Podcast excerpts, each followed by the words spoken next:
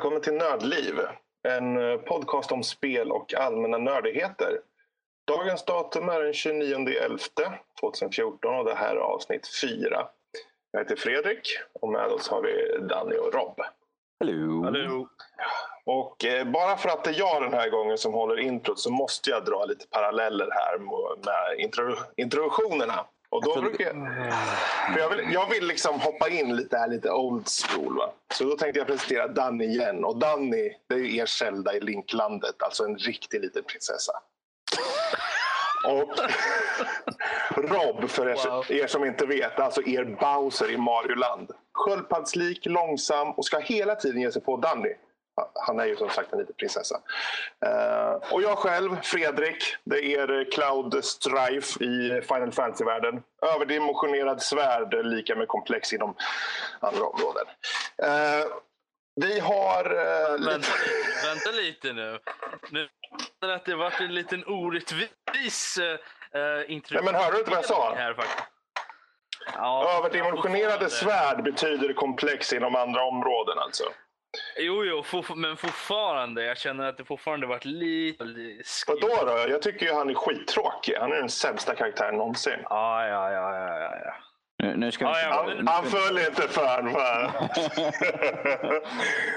ja, hur som helst, välkomna till Nördliv. Eh, vi kommer snacka lite spelnyheter först, sedan vad vi spelat och sen gå igenom lite veckans spel och sen avsluta med lite andra nördämnen. Eh, men först ska vi hoppa på lite nyheter. Och eh, Danny, du hade lite nyheter som vi tänkte vi ska ta upp.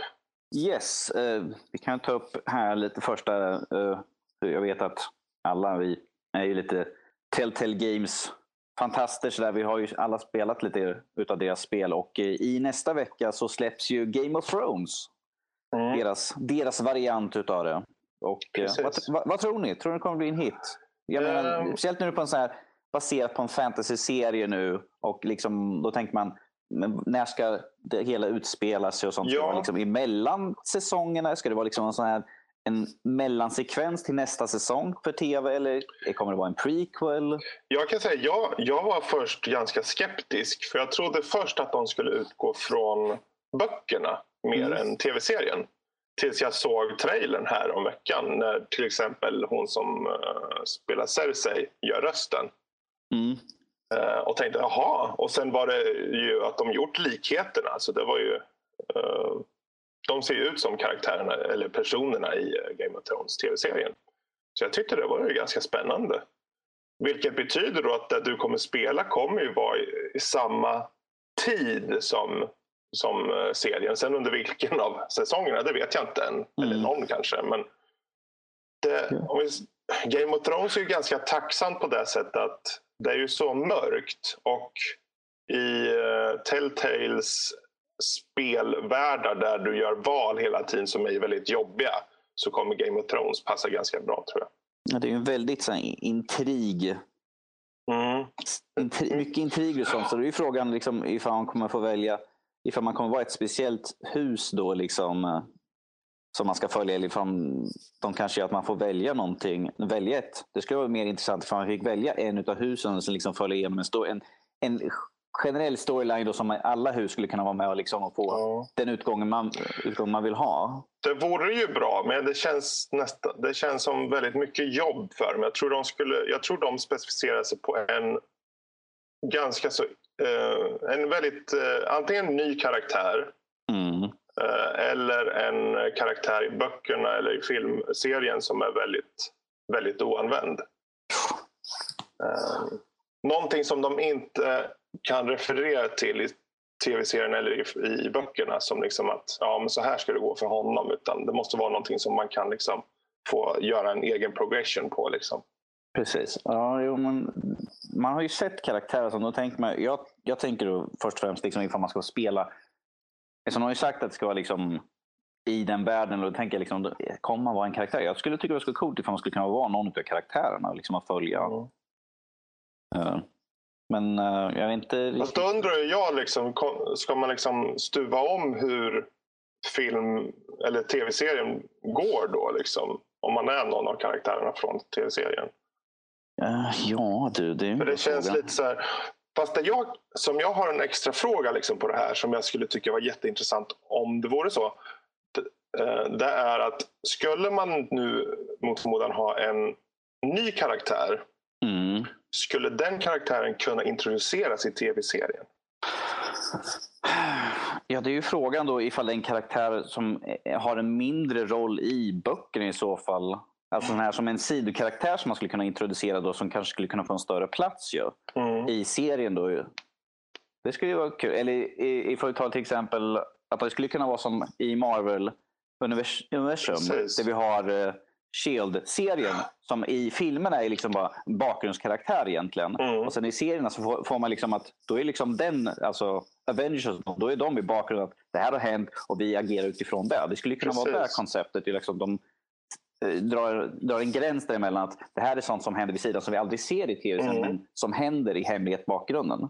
Precis. Pers- eh, personligen så skulle jag tycka är som i, i serien så är min favorit är eh, Peter Dinklage karaktär Ja. eh, Tyrion. Jag skulle, vilja, jag skulle vilja ha en storyline med honom för att det är den mest intressanta storylinen i alltihopa. De andra tycker jag liksom, det är klart de är intressanta men jag tycker att hans är mest intressantast för att det, Mm. det är så mycket som händer runt omkring och det är en, en, en väldigt djup och gripande karaktär tycker jag. Absolut. Men jag var nyfiken på i så fall, för det, vore, det kan jag hålla med dig om. Han är också en av mina favoriter där. Mm. Och det skulle vara skitcoolt om man kunde vara, eller se eh, ur hans perspektiv och göra val. Men skulle Mm. det vara liksom val ur den historien som har satts redan eller skulle vi snacka under perioden mellan vissa avsnitt eller hur skulle det fungera? Men ja, det är många frågor, man blir ju ganska nyfiken i alla fall. Jag blir ju det. Ja. Um, men Person- eh, Personligen så skulle jag då vilja ha något som skulle kunna hända parallellt med den vanliga serien men som man inte Mm. ser. För att är, man går ju liksom mellan de olika... Och så det, det är saker man inte får se däremellan som man kanske får en, lite så här att ja, men du har varit iväg på det här. Och liksom, ja, ja, jag, jag var iväg på en resa och det hände lite saker men att det tar sig inte upp kanske. Så att jag tycker det skulle vara intressant. Och då kunde man ha en liten en sidostory helt enkelt som man skulle kunna göra om till spelet. För det kommer släppas i episoder såklart och det skulle ju kunna Mm. vara en grej mellan olika delar egentligen. Ju. Precis. Jag funderar också på det, i och med att det här, ja, det här är ju episodbaserat Ja, och den dyker upp nästa vecka. Och, nästa, eh, till PC släpps den 2 december och till ja, Xbox One och de släpps den 3 december. vet, kommer det vara ungefär som de andra spelen tror du med att det är sex, typ sex episoder? Eh, säkerligen. De, de, Fem är det väl ändå vanligtvis för Telltale. Jag tror inte de kommer liksom dividera ifrån nu, hur de har upplägget. Precis som nu eh, Borderlands kommer ju också vara i, jag tror det Mm. skulle vara fem delar också. Jag bara tänkte rent spontant, för i och med att de har använts av personerna, eh, skådespelarna från tv-serien Mm. så är det ju därmed knutet till tv-serien på det sättet att i och med att det är samma eh, skådespelare så, så finns det ju möjligheten faktiskt på riktigt att det ska på något sätt, som, som vi pratar nu, liksom dy, drypa in i, i själva serien. Jag funderar på om det nu, om vi säger, tänker oss att det är fem, sex episoder och de hinner släppas innan serien börjar som brukar vara eh, på vårkanten nu va? Säg, vad är det, april, maj någon gång det brukar Ja, sändas? Mm. 18, ja, 17-18 har jag för mig att Ja. det skulle vara. Jag bara funderar på om, om Telltale har fått någon form av deadline om att de här avsnitten säger att de ska vara klara, eller vad säger episoderna ska vara ute innan eh, serien börjar och på det sättet kanske kunna brygga på något sätt. Ja, det skulle ju vara väldigt intressant. För, speciellt då för de som är eh, intresserade och vill liksom ha lite mer kött på benen. Ju. Mm. Och, och då verkligen gå in, gräva sig in liksom och säga att nu kan jag få göra det jag vill och se hur storyline... Det kommer såklart bli eh, förvalda slut liksom som då i så fall är en direkt tie-in till hur serien kommer börja eller något sånt där i så fall. Ja. Ja. Men eh, självklart. Varför inte? Ja, det, ska, ja, ja.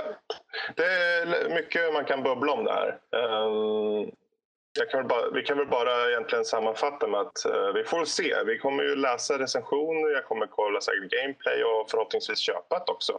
Vi Mm. har en ganska så bra eh, track record av just Telltale Games då.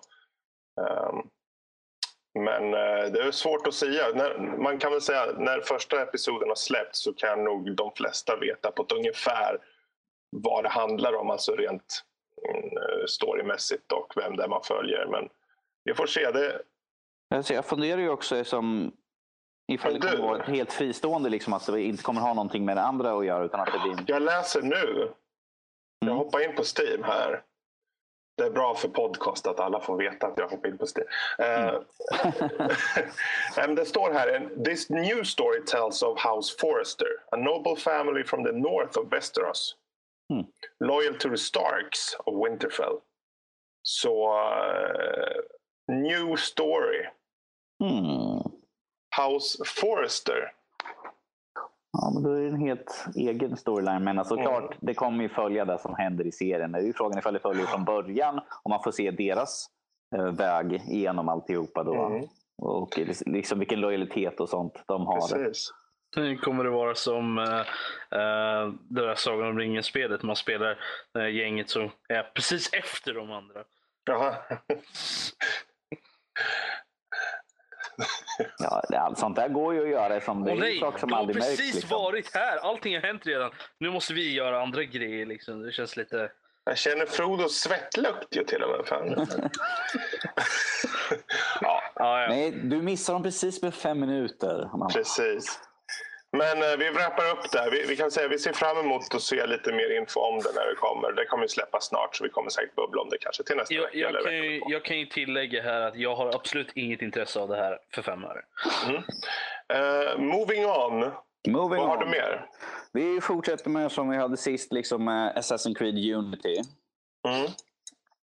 Ubisoft har nu gått ut och offentligt bett om ursäkt för alla problem de har haft med spelet sedan det släpptes, vilket är inte få. Och de, som jag sa förra veckan att det skulle släppas en tredje patch nu och eh, den ska ju komma ut snart. Och det är 300 uppdateringar i den patchen. Det är inte lite. Och det är den tredje patchningen. Tänker man, hur många var de föregående? Hur mycket problem är det som man egentligen inte har hört om? Vi har ju sett bilder på hur figurer sett ut som gud vet vad. Och ja. folk som flyger genom vägar, världar och sånt där och poppa in figurer höger och vänster. Liksom, så. Det verkar ju vara väldigt många av de nya spelen nu som har haft problem. Som Dragon Age Inquisition som precis kom. Jag har buggar med det också en hel del. Så jag vet inte, det, det är tre stora nya titlar som har haft jättemycket problem. Jag, jag får ju säga då att Assassin's Creed Rogue har jag inte haft något problem med. Men det är ju till 360 också. Ja, det är till 360 också. Men jag tänker i alla fall, som alla andra Assassin's Creed har haft väldigt buggiga starter. Ja, fyran trean var fyran ganska, hade inte... Fyran hade jag massor med buggar. Folk som liksom satt uppe på stolar och flög iväg och ja, gud vet vad de gjorde för någonting. Det trean hade jag också buggar och sånt där. Men i Rogue har jag inte haft något problem än så länge. Jag har inte haft någon, någonting som stuckit ut direkt sådär. Det kan inte vara att de liksom mm. bara fortsatt med en tidigare motor medan de har utvecklat betydligt mer inför de nya plattformarna. På jo, troligtvis har, troligtvis har de ju bara kört vidare på eh, där de redan har. Så det kan ju förklara. Det blir ju som de, bara ett moddande liksom. Precis. Och det är ju optimerat redan. Så. Men du kan, du kan ju se det som så här att eh, eh, Assassin's Creed 2 hade ju problem lite problem när den började. Men Brotherhood, både Brotherhood och Revelations hade i stort sett ingenting. Men det var ju för att de byggde ut på samma liksom engine och motor, liksom motor och, och, och gameplay-mekanik och alla sådana grejer som, som tvåan redan har satt upp. Däremot, både trean och fyran är byggda på egna separata saker. Är de. Mm. Uh, så det är därför som de har haft individuella problem. Mm. Och det, då har vi ju Rogue som troligtvis är byggt på samma som, eh, som fyran är på. Och eh, medans Unity är ju en helt ny grej. Är det ju. Så ja. det, det är ju troligtvis där som problemen ligger i ja. så fall. Ja. Men, Fast men... jag kan säga apropå buggar då. Jag tänkte, du nämnde Dragon Age. Jag har kört det och jag har inte haft några buggar. Så jag tror jag, det, det... Min, eh, en av mina polare har skaffat det här och det, det har kraschat flera gånger för henne att ha det. Så att, eh, jag det... tror det är, en optim... det är en fråga om dator till dator eller sådär. Om det inte är nu konsol annars. Ja, jag har inte mm. haft några problem på 360 i alla fall. Mm, nej, vi, vi, kan, eh, vi kan prata mer om Dragon Age sen kan vi. Ja, mm. Jag fortsätter här nu. För att ja. Som kompensation för alla problem så har de nu sagt att eh, det första DLC-paketet, Dead Kings, får man gratis nu. Nice. En, en, en liten sån där push. Plus att för de som har köpt uh, Season Pass eller eh, Unity Gold Edition, för det ingick uh, Season Pass, uh, kommer få kompensation med ett gratis spel. Men de har nu slut, tagit bort så att det går inte att köpa Season Pass tydligen längre. Och, okay. Det kommer det kom väl säkert tillbaka. När det kommer säkert tillbaka, allting. men det är bara för att folk inte ska kunna köpa det nu på direkt bara för att få ett gratis spel. För, ja, nej, precis. Att välja, man får ju välja några gratis spel. Så att de som finns att välja kommer att vara Far Cry 4, The Crew, Watchdog, Assassin's Creed Black Flag, Rayman Legend och Just Dance 2015. Eh, ja, det blir Just Dance. Ja, precis. Det tror jag också. Assassin's Creed 4. Ja, jo. Så jag tror att de har ju liksom tagit bort just nu bara för att det är bara de som har köpt just nu som ska bli kompenserade. För att mm. ifall folk köper då tänker de att ah, då kan jag få ett gratis spel. Det, liksom, så det är ju självklart. Klart. Det är ju en väldigt smart grej att göra i så fall. Mm. Så att, eh, det, där håller jag ingenting emot dem för det. Nej. Jag, inte. jag ser, det är bra goodwill. Det är bra att de försöker i alla fall. Ja. ja eh, alltså det, det, även om det kanske inte är jättemycket compensation och sådana grejer för så mycket problem så är det ju det är någonting i alla fall. Ja. Det är så många andra spelföretag och sånt som, som gör det. EA de har ju absolut inga skrupler för, för att skita i de som, för de som har problem med sina spel. Mm. Och det här, det här är inga skitspel direkt som de, de låter folk få välja mellan. Nej, Far Cry 4. Nej, men Watch Dogs är ju jättebra. Och samma sak med Assassin's Creed 4. Och The Crew, det har inte släppts Nej. ännu. Så det är ju en jävla push där. Liksom bara det är ju som att ja. få två nya spel för priset. Mm. Mm. Så det, det, det, tycker jag i alla fall. Det, det är skönt att de i alla fall tar sitt ansvar liksom och, och säger till liksom, ja vi gjorde fel här, vi kompenserar med ett spel det... och liksom gratis på det här. Så på det sättet, men... Ja. Så jag säger det, alltså Ubisoft de, de är bra är de. Jag har, har, inte haft, jag känner att de har en bra grej. De är ett bra företag som gör bra grejer och de verkar liksom äga sina misstag i så när, när det kommer till det. Mm. Jag, jag känner inte att jag haft så mycket negativt för att säga egentligen om Ubisoft. Nej, alltså som spelutvecklare liksom, eller som företag som ger ut spel så tycker jag att de har en väldigt bra eh, lägstanivå framförallt på de spel de släpper. Mm. Till, till skillnad från kanske många andra som kan släppa eh, ganska blandat. Så har de ändå ganska eh, bra nivå på sina spel.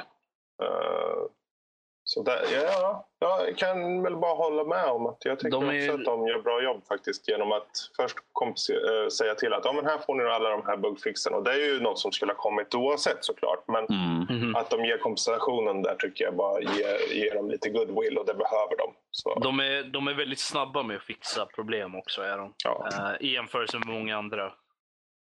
Det finns ju såklart de som är snabbare än Ubisoft men de håller en ganska jämn standard för, för liksom hur snabbt de, de fixar problem. Jag menar, det var ju samma sak.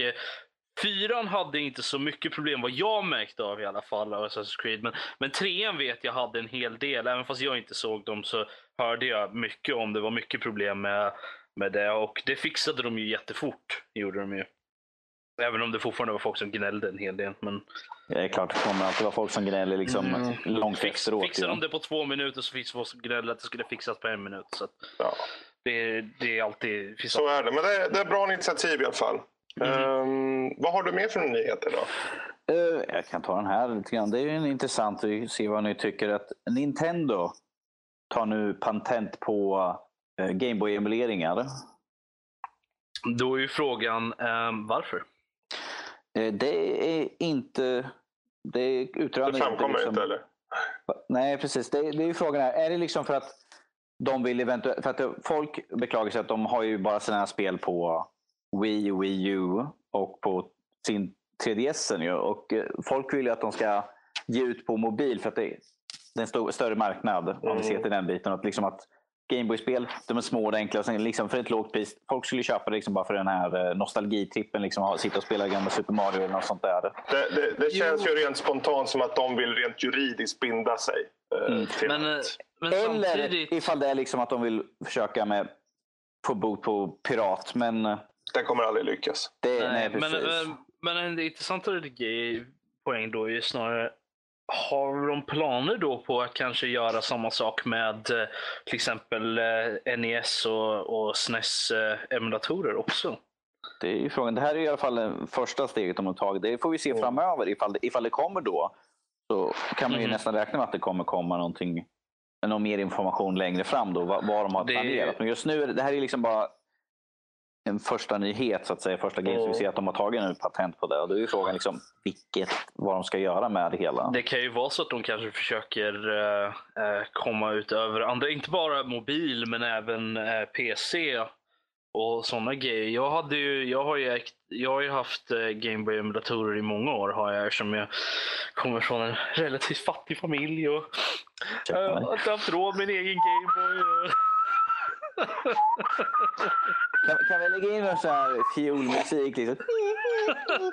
Vi tar eh, Hulken-musiken där Ja, direkt. precis. Na, na, na. Ja, nej, men, Jag, eh, jag kan sjunga medan du pratar här. Na, na, ja, det, det var ingen min na. sob-story nu var det inte. Na, na, na, na, na, na, na, Rob går långsamt ner för en dimmig väg. Sitt- Försvinner sitter vid horisonten. Sitter, sitter mot ett, ett fönster där det regnar nerför. Så. En liten ensam tår rinner ner för hans kind. En manlig tår. Eh, men i alla fall. ehm, nej, men liksom det, Ah, det, frågan är om det kommer till, om de då tänker ge ut det till, till, eh, till flera eh, grejer än bara mobil då i så fall. Eh, om de försöker få ta betalt för att ha det på... eh, eller om de, de tänker ta betalt för det överhuvudtaget. Eller om de bara vill göra... Alltså de kommer ju säkert göra det men om de kommer... Om Nu kommer inte jag, nu mer kommer inte jag ihåg, för vi kollade Fredrik när du köpte din 2DS. Liksom. Kom, vi var inne och kikade på den, men jag kommer inte ihåg vad, vad Gameboy-spelen kostade. Det kan inte ha varit så mycket egentligen. Ja, de kan kosta ganska varierat. Det beror Det beror på på vad det är för någonting. Ja, Mm. Men det är ju som många andra spel, som när vi pratade om eh, för ett par veckor sedan när vi pratade om Psykoden till exempel, Ja. som är till Playstation 1. Totalt omöjligt att få tag på. Finns det en originalkopia så är det, kostar det multum. Alltså, så att det, det, allt beror ju på vad det är för spel också. Precis. Samma sak eh, som till Super Nintendo. Att få tag på en originalversion av Harvest Moon till exempel är, är nästan till omöjligt. Och Mm. det är svindyrt. Harvest Moon. Det köpte jag till 2DS. Ja. Jag, eh, jag vill ha... Fast det var det första första till sån här Gameboy. Så det, det sög ju. Men eh, jag förstår konceptet. Men Alltså Jag jag, skulle nog jag, ha har ju köpt en spelat, eh, jag har ju spelat Harvest Moon. Spelade originalversion, spelat till Playstation. Jag spelar flera. Jag har inte så up to speed med de senaste, men jag är, jag är insatt i alla fall. ja, jag hade ju en liten eh, Nintendo-period här för en månad sedan eller två. Så det. Mm. Okej, Men ja, men nu, vi, nu har den gått över. vi får ju helt enkelt se vad Nintendo har, tänker göra med det här. Vi får väl hålla folk uppdaterade Ja, helt enkelt med, med nyheter och så. så att, eh, men förhoppningsvis är det, kommer de göra det för, för, för godo, inte för ondo. Helt Mm. enkelt. Men det, Om, om vi ser så här, ifall de tänker försöka för att stoppa piratkopiering, det är ju kört i det han säger. Och de har ju inte sitt bästa som de har. Nintendo är väldigt hårda på att folk får inte göra Let's Play och lägga upp och sånt där. Så ifall de försöker med piratkopiering, det kommer ju gå lika illa där. Det kommer ju inte ske. Romscenen är så etablerad och sen så många år tillbaka så det känns bara så svårt. För det är ju något annat de vill komma åt genom den här. Mm. Alltså jag, tror, jag tror de vill försöka komma åt den här retroscenen helt enkelt. Jag tror det bara är det. Och eh, eftersom... Och att emulera eh, Gameboys är mycket enklare säkert än att, än att försöka införa någon form av eh, retro... Jag vet inte. Någon form, alltså de, de skulle ju säkert kunna införa, släppa någon form av retro Gameboy på något sätt. Eh, men jag tror inte att det skulle ha lika stor success som att bara ha, äga hela emulatorgrejen. Nej, Tror jag inte. Och jag tror det, det är ju säkert där de vill åt då, att de vill ju ha åt den här den, den retroscenen helt enkelt. De som gillar att spela de, de gamla goda spelen från den gamla goda tiden. Sådana gamlingar som ni till exempel. Mm, precis. Jag, jag känner väl till att Nintendo har ju varit, är, har ju varit så här benhårda att de, de håller sig bara på sin marknad. Alltså det ska bara vara på Nintendo-konsoler och sånt där. Att, att de sticker ut liksom de plötsligt då släpper på mobil och sånt, det känns ju väldigt lång, långt ifrån för, som jag ser det. Men att, varför inte? De, de, vi vet att Nintendo behöver ju komma ut på andra marknader än bara på sina Ja, ja. egna. För att de, ja, Wii U, Wii U var ju en ganska bomb egentligen.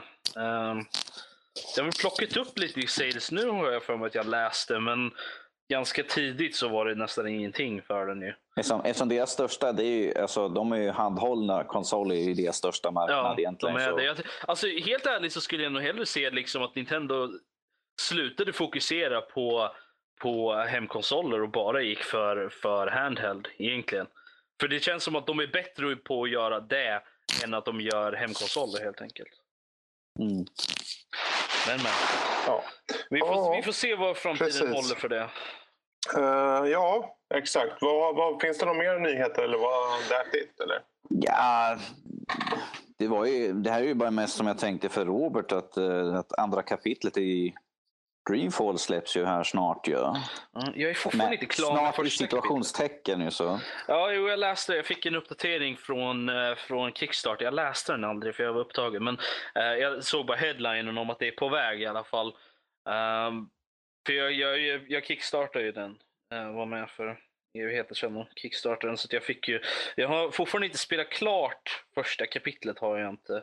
Eh, jag är väl kanske halvvägs igenom. Hur, hur, långt, hur långt har du spelat typ generellt på det ifall du bara spelar halvvägs igenom det? hur, hur Mm, jag kan tid? kolla. Vänta lite så ska jag kolla i Steam. För jag, för jag vet inte hur lång, för jag vet att de gamla spelen var ganska långa ifall man skulle verkligen, för jag körde ju första, Alltså, första spelet körde jag ju. Jag gjorde spelat, jag, ja. jag spelat två timmar ungefär på, på Så, så, runt en, så runt en fem timmar kanske i speltid per kapitel eller? Alltså jag, tycker, jag tycker det skulle vara en, är det helt okej. Fem, sex, fyra, fem, sex timmar någonstans däremellan skulle jag kunna tänka mig eh, vore en bra längd på det faktiskt. De har ju sagt det att varje chapter eh, är, är sin egen... De har en naturlig break i dem. Och det var ju därför som de valde att göra det till chapters, alltså till, eh, till episodiskt igen istället för att göra ett stort spel. För att det fanns liksom naturliga breaks i storyn. Så jag, jag ser fram emot att se det. Jag ska försöka ta tid, eh, kanske nästa vecka eller veckan efter det och faktiskt spela klart den beroende på hur, hur min tid st- står till. Ehm, jag, vill gärna göra, jag, jag, jag har planer på att spela klart innan jul i alla fall. Så att vi, Mm. vi kan, eh, vi kan, så jag, jag återkommer med när jag är klar med, med första kapitlet helt enkelt. Så kan Ja. vi diskutera det då. Och du, du kan också sä- nämna den här lilla korta grejen för, för folk som tycker om första spelet men inte har liksom att de kan spela det på dator och sånt där. Så att, nu släpper de ju första spelet, The Longest Journey, på iPhone. Så, Alltså, jag, alltså, jag, jag, jag vet att du inte... De släpper Nej, nej, nej, nej. på iOS. Mitt, Ja, mitt, på största- iOS. mitt, mitt problem med det är väl snarare att visserligen, det är ju en bra grej liksom för att få, få spelet out there, men samtidigt ser jag inte riktigt hur det spelet skulle funka på en handheld device. Alltså på, på, på någonting så litet som en iPhone. Möjligtvis en iPad. Men det sägs men- både iPhone och iPad. Så det är liksom... Ja, det- är mitt, det är mitt problem. Alltså, de har ju släppt andra spel till, till, eh, till eh, phones och sådana grejer. Men jag känner att peka klickerspel som, som Longest Journey och Monkey Island och de där klassikerna. Jag förstår inte riktigt, jag kan inte riktigt se det funka så jättebra på, på själva mobilen. På en tablet, ja. Men även då så känner jag att det är något som, man, man förlorar någonting i, att, i och med att man inte har en mus, känner jag. Ja, men alltså, som peka och klicka så är det inte något problem. Du ser bara till exempel Monkey Island-spelen har ju funkat riktigt bra ju sådär tycker jag. Telltale-spelen framförallt Telltale-spelen också. Det är ju liksom, jäkligt bra. Jag, jag kanske bara är lite för mycket av en, av en eh, vad heter det, en, en klassiker. Jag, jag kan väl säga för min del så tycker jag att om det är någon genre som passar på iPad till exempel så är det ju i så fall äh, äventyrsspelen. För där kan du i alla fall eh, Jo, jo, interagera på alltså- ett annat sätt. Jag, jag, jag, jag kan Eh. förstå om spelen är gjorda för dem, men när de, försöker, när de, eh, när de portar gamla spel till det så... Det är ju en sak om de gör om det som när de gjorde, när de gjorde remaken av ettan och tvåan för Monkey Island. Eh, där som tog de ju nya grejerna i en account när de, när de gjorde det. Men, men att porta ett gammalt spel som, som Longest Journey bara rätt av. alltså, det är ju inte, det är, det är ju ett remastered. Är det ju. De Alltså ju- det är, ju- jag, jag kan inte tänka mig att de inte anpassar det för plattformen. Det har de gjort med nästan Ja. i princip alla spel. eh, Jag som får hoppas det, för jag ser gärna att jag, jag känner att The Longest Journey behöver lite love. Ja, alltså, den kommer definitivt få anpassa för plattformen. Och Snälla, För, eh, ge mig Discworld till iOS. Kom igen, ge mig det. Jag skulle betala, jag skulle betala dyra pengar för det. Jag skulle verkligen Vad säger, ha vad säger du om, om ett Telltale Discworld-spel? Ja, det skulle ju vara någonting. Ja, det skulle jag. Alltså jag kommer ihåg, jag satt och spelade det gamla Discworld, det, det första. Fast, fast notera här att du måste vara med, Eric Idle måste vara med och göra Ja. röst. Fast de kommer säkert, bara ta, de kommer säkert bara ta han som gjorde uh, Rincewind i, i eh, Call of Magic bara för det. Eh, David... eh, ja, vad heter han? Han var bra i Hogfather men inte som Rincewind. Han passade inte, gjorde han inte. Nej, han är bättre som Alfred tycker jag. Sådär. Ja, men eh, nu, har vi, nu har vi vandrat iväg här. Ehm, var det någonting mer där? Nej, det det är typ Mm. de- jag hade som jag tyckte var värda att nämna lite grann. Och Dels, jag tänkte jag bara få din åsikt på Robert och på det Alltså jag känner, det, är, det är en bra grej, för jag ser gärna att The Longest Journey kommer ut. Därför det, det känns som ett väldigt underskattat spel, för att det är så långt. Ehm, jag tror det är det. Och det, det är väldigt dialogtungt. Det är väldigt, väldigt eh, mycket dialog i det hela. Större delen av spelet bygger på dialogen.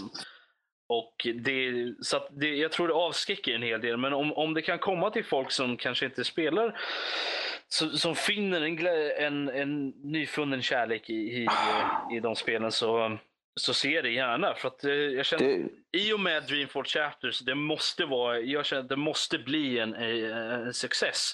Så att vi kan få uh, The Long Journey vad heter den där andra spel? Det är också någon sån här peka och klicka. Men, eh, Första spelet så börjar man i Paris, sitter vid ett café. Broken skriver- Sword. Broken Sword, precis. För det släppte de ju nyligen, det nya. Ja, Eller har det jag släppts, har det släppts är ännu? kanske tre timmar in i det här spelet. Jag har Det fortfarande inte spelat släppts, klart det. Men det var, en, det var, en, var det en reboot utav serien? Eller var Nej, det, var det är en fortsättning. version?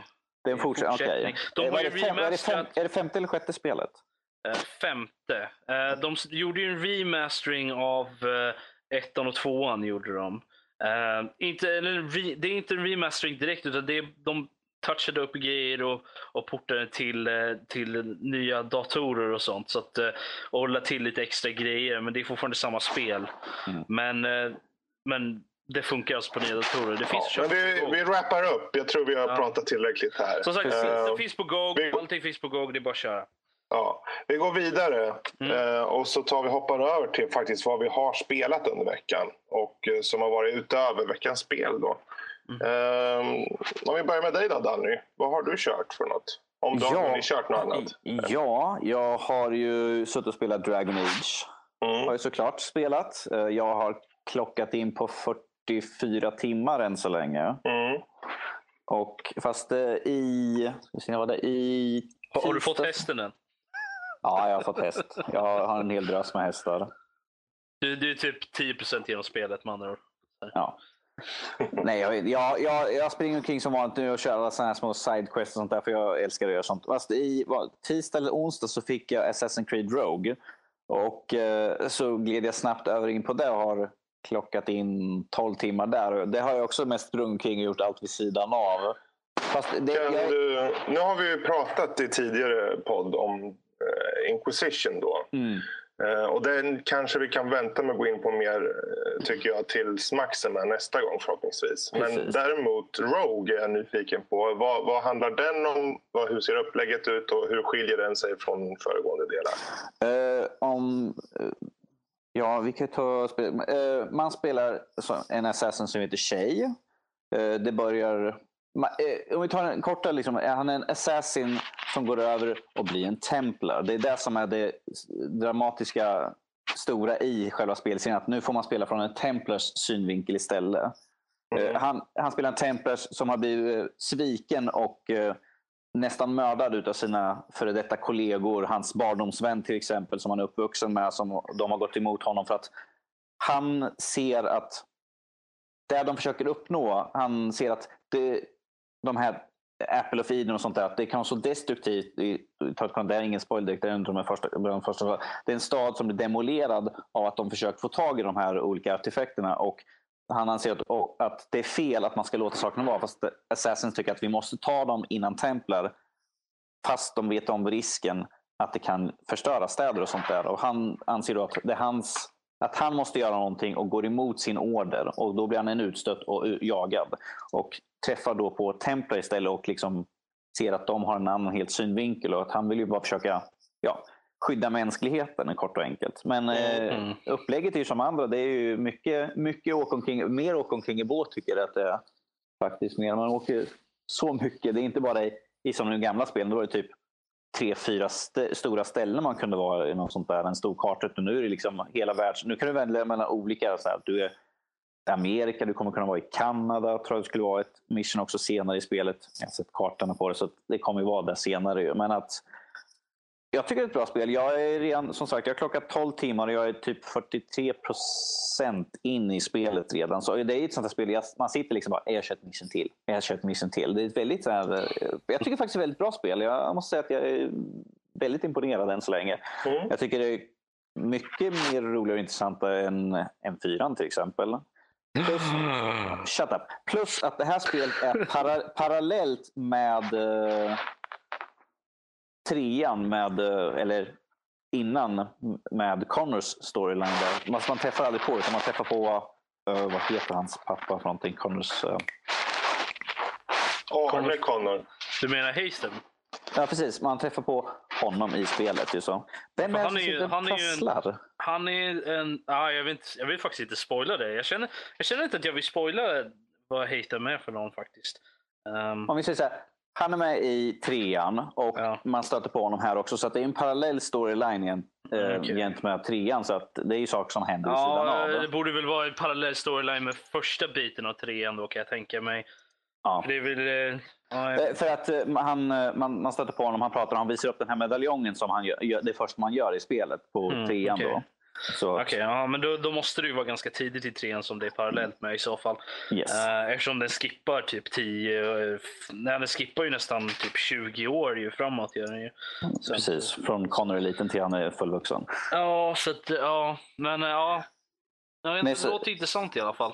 Det är, jag tycker det är ett extremt bra spel och eh, det är inga, inga problem med buggar eller något sånt där. Faktiskt. Jag, fast jag tycker att det, det är ett väldigt spel som man har hört väldigt lite om. Eftersom Alltså, det nu det släpptes blivit- parallellt med eh, Unity och där har man bara sett överallt. Det är reklam och allt sånt där. Rogue, ingenting. Jag tror att det känns som att Rogue var en sådär pet project som de gjorde bara för att de kände att okej, det här vill vi göra. Och de visste det att de som gillar Assassin's Creed kommer köpa det. För att de kommer ju ha koll. Ha koll Det här är, det, det här är ju deras lilla farvälspel, farvälspel till liksom de gamla konsolerna nu. Så. Ja, Eftersom det här så det- ju bara till, till gamla. Ju. Ja, så jag, jag tror att det, det, det är en liten så här. Det spelar ingen roll om det, om det gör bra eller dåligt ifrån sig. Mm. Ehm, Och, och de här kör också vidare på att du går ut i, i, i vanliga världen. Så det, här, det här är en spelindustri så att säga. ju, Där de går in i minnen och sånt där. Och man går omkring och låser upp datorer och sånt där. Får information Frågan om saker är- som händer utanför. jag känner, frågan är ju hur viktigt det är i den stora hela storyn. Att det är en För- spelindustri sådär. Nej, nej, alltså, alltså själva Rogue. Ehm, för att vi har ju liksom ettan, tvåan, Brotherhood, Revelations, trean och fyran. De hör ju ihop. Men sen finns det ju Ehm. sidospel där också. Som eh, det finns ju de som är till de olika handheld-konsolerna som är tie-ins till de Eh, spelen, men de Bloodline, du så- menar Bloodlines av dem? Och, Ja, men de är ju inte viktiga för att man ska fatta eh, för att man ska förstå resten av storyn. Liksom. För att de har ingen tie-in med den moderna världen.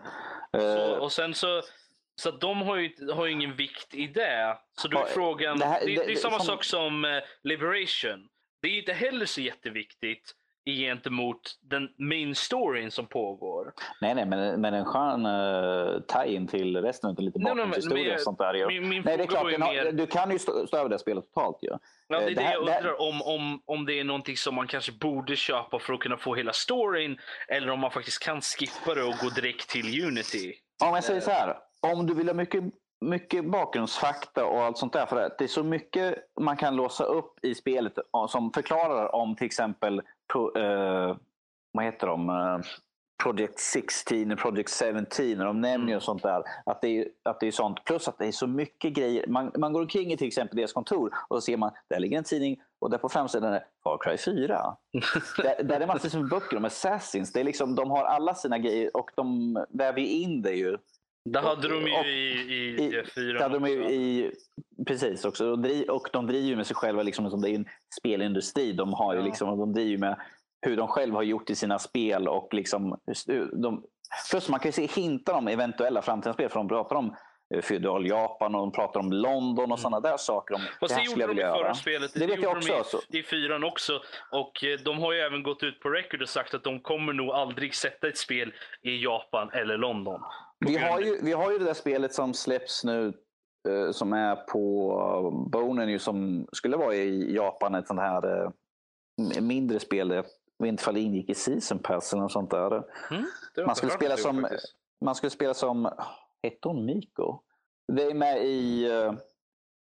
Uh, det fanns ju en animerad film Du menar den som, hon som är med i, i, i Ezios Final Chapter där? Precis. Hon kom ju ett litet, mm. ett litet sidospel med till, till som skulle vara med till Unity eller där på, det skulle i alla fall på bonen i alla fall. Jag kan tänka mig att det är mest för att PISA-fansen som vill ha ett Japan-spel utan att faktiskt släppa ett spel i Japan. Mm. Jo, precis. Men om vi, om vi säger så här, är man intresserad av mycket bakgrundsfakta och liksom vill ha samma element som från uh, fyran, det är mycket båt och det är mycket sånt där. Plus att få se från en helt annan vinkel så rekommenderar jag starkt Rogue. Mm, ja, vi får se. Du, du, du, kan ju återkomma till oss när du har spelat klart spelet för att se om uh, hur, uh, utan att spoila någonting, men se hur slutet väger upp jämfört med Alla dör. Ja, det brukar ju vara så. Um, men vi får se. Borde du spela mm. något mer eller Danny? Uh, Dragon Age Assassin har jag spelat såklart. Defense Grid, men det tar vi upp senare. Ju, så. Mm. Det är som, som sagt. Okay. Ja, Fredrik, okay. uh, jag? Ja, ja, vad har vi kört? Uh, Defense Grid har ju egentligen kört en del på redan innan så jag har en ganska så bra koll på det. Men jag har, det går inte att låta bli att köra där oavsett. Har du inte 100 procent allting på det snart? Ja, det är klart för länge sedan. Mm. Men um, på första Defense Grid i alla fall. Ja. Um, ja, vad har jag kört? Jag gjorde ett aktivt val. Det låg ju mellan Dragon Age och Far Cry 4. Och, mm. eh, jag, kan, ja, jag valde Far Cry 4 Eh, dels för att jag kände att alla andra kommer köra sitt och köra Dragon Age och folk kommer snacka om det. Så jag, jag vill inte, då behöver inte jag lyssna på dem på jobbet. Jag, kör, jag kan lyssna lite så halvdant och gör inget för då skiter jag i att köra det. Dels, men framförallt för att två så bra spel, det är liksom det är så det är gött helt enkelt att veta att det här ligger och väntar på mig. Det är bara där liksom. Uh, jag har ju, visst, jag har kört lite på uh, Dragon Age också. Jag, men jag är inte uppe i er tid. Jag har kört fyra timmar bara. Men um, däremot på Far Cry 4 har jag lagt ner en uh, snart 20 tror jag. Mm. Och, ja, jag har sett dig smyga in i Far Cry. Ja, då, så. och det är ju så jävla bra. Alltså det, Ubisoft som vi pratade om förut, de gör så mycket rätt med den här det är så mycket bättre i, i UI, i upplägg, i eh, till och med grafiken är så pass optimerad så allting känns snabbt och, men ändå jävligt snyggt. Så jag, jag är faktiskt... Det här är nog tillsammans med... Nu kan inte jag säga något om Dragon Age än. Jag har bara kört fyra timmar, men det verkar ju vara jävligt skönt också. Men det här är helt klart en av årets spel. Så du skulle säga att det är okej okay, alltså? Ja, det är mer än okej. Okay. Det är jävligt bra helt enkelt. Um, de har liksom fått förståelse för vissa moment i trean som kändes som uh, överväldigande. Till exempel som att du kanske låste upp hela världen på en gång och sen var det liksom Ja, var ska vi gå? Ah, jag vet inte, jag bara åker. Medan nu så är det så att du har först låser upp kartor för ena halvan av hela landet, typ, eller Kurat, som det heter. Och sen så får du klara av vissa delar då för att kunna låsa upp till andra hälften. Det låter ju väldigt mycket som Assassin's Creed. Eh, de, båda, de har ju alltid så att, ja, inte i fyran så mycket, men de, när det var i både ettan, tvåan och trean så hade de ju att vissa sektioner var ju avskärmade för att Dynamo mm. Memories tillät inte gå in där för det hade inte hänt någonting där. Precis. Det här nämnde vi också förra veckan. Eh, och gick in på. Det har säkert en del likheter med det. Eh, men överlag så är det just själva uppdragen som är väldigt varierande. Eh, du kan hoppa runt ganska så snabbt till de olika. Det är ganska snabbladdat fast det är så grafiskt krävande. Men upplägget är som sagt väldigt varierat. Och eh, vapnen är ganska så bra optimerade och kommer efterhand. Liksom, du, du, visst, du kan köpa vapen men det, de funkar bättre i senare lägen. Liksom. Uh, storyn är väl, uh, ja vad kan man säga, det, det är ingen superstory. Det är ju liksom uh, en kille kommer tillbaka för att begrava sin mors eller begrava och begrava. Han ska sprida sin morsas aska. Det här är inte direkt någon spoiler, det är liksom hela starten. första, det här är liksom Första- första- Eh, och eh, sen så dras han in i saker och ting i och med att han är då sonen till en nationalhjälte kan man säga. Och eh, spelet har gjort också så att du kan göra vissa val. Till exempel du väljer att följa, det finns till exempel två huvudpersoner till då som du antingen väljer att göra uppdrag för. Medan om du väljer för den ena så utesluter du då automatiskt den andra. Och då kommer den vara sur på dig typ och säga att du gjorde så där, det var ju dumt av dig medan den andra blir glad. Och så kan du fortsätta att göra uppdrag åt den du väljer och får reaktioner utifrån det. Det är lite Eh, som det- att det- välja... Det låter lite grann som alla Wolfenstein liksom man väljer. Ehm, Det låter Det lite som ena när man det väljer, andra. eh, väljer vilken alignment man går efter oftast. I, i Ja, sånt lite grann. Men det, det, ger en, det ger en bra känsla i spelet. För, för eh, karaktärerna är ganska, de har ganska bra personlighet alla. Storyn kan man ju säga vad man vill om, men karaktärerna i sig har bra backstory. Och eh, en del karaktärer som, är, som man ser egentligen som NPCs blir mer som nästan buddies. Även fast du bara träffar dem när du ska göra uppdrag åt dem. Liksom. Så där, de har fått till en ganska bra mix överlag på karaktärer och lite grann på story då, men framförallt gameplay. Så när jag har kört klart det kommer jag ta och säga bu eller bä. Men i nuläget så kan jag väl säga att det här är som sagt ett av årets spel. Men det är Far Cry 4 jag har kört i veckan mest då. Jag har inte kört något annat i princip nästan. Uh, I och med att jag varit borta lite i veckan och så. Men eh, så ser det ut. Hur ser det ut för dig då Rob? Um, ja, jag måste vara lite tråkig och faktiskt säga att jag har, jag har spelat tre spel nu i veckan. Jag gjort. Mm. Ett av dem är Minecraft. Uh, Mm. Jag kom tillbaka in, min bror han gjorde ett nytt modpack eh, för eh, den förra versionen av Minecraft. Den nyaste är ju 1.8, den förra var 1.7.10. Mm. Så att han har lagt ihop, sl- slängt ihop ett nytt modpack för det. Så att jag har suttit och spelat det en hel del. Jag gjort. Nya Let's Play. Vi får se hur det blir med det. Ehm, Ja just ja, det köpte jag en sån där Ralm till ja. Eh, och sen så idag så fick jag, fick jag testa att spela Eh, Dragon Age Inquisition hos en polare. Eh, det var, jag spelade kanske bara i en 20 minuter, men eh, jag, har, jag har problem. Jag, jag kan inte se mig själv spela det på, på PC faktiskt. Jag kan inte göra det. Jag behöver konsol. Känner jag. Det, det, det var inte min grej. Det, var lite för, det kändes lite för clunky liksom, i, i, kontrollerna för, för PC. Mm. Kära morbröder, i år önskar jag mig Dragon Age Inquisitor. Vi får se. Jag skriver min önskelista sen så får ni... Det är ju ungefär som jag sa. Var det förra podden vi snackade om eh, Dragon Age? När han inte Det var måste med, vara det. Jag har inte hört Japp. den här diskussionen. För vi tyckte just att det var lite, det var, vi hade lite med kontrollerna. Nu har jag vant mig så nu är det ganska okej känner jag. Eh, och som spelgenre så gör den sig alltid bättre på PC. Jag, jag har väl- Men alltså, eh, jag kan förstå att den här känns, för den känns mer konsolifierad. ja. men, men de andra var ju primärt i konsoler också. Var de ju. Ehm, med en, en PC-version också. Men, men sen känner jag... Nej, Dragon Age Origins var ju främst för PC. Det kan jag inte direkt påstå, men ja, ja. Det tycker Nej. jag i alla fall. ja nej, jag känner Ja, om, vi Men, säger, men, om vi säger så här, den är optimerad för både och. Liksom, för- för- på 360, 360 så är kontrollen suverän. Det är liksom inga problem alls med att göra... Man kan göra allt som man kan göra på PC. Liksom. Jag tror de hade helt enkelt lärt sig från Mass Effect och liknande. Precis. det är ju klart. För- Men, men alltså, jag har inte så mycket positivt att säga om det faktiskt. Ehm, helt Ja, du har ju kört 20 minuter så det, du kan inte säga någonting. Det, från det att jag, jag, den min initial liksom, så, så det kändes inte som... Jag gillade inte inventoriet, gjorde jag inte.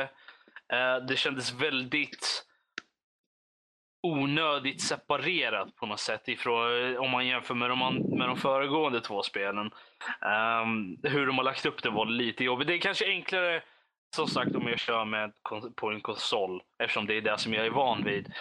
Um, jag gillade uh, systemet med, eh, med man får välja Uh, den här radial menu med uh, dialogen som de har från Mass Effect.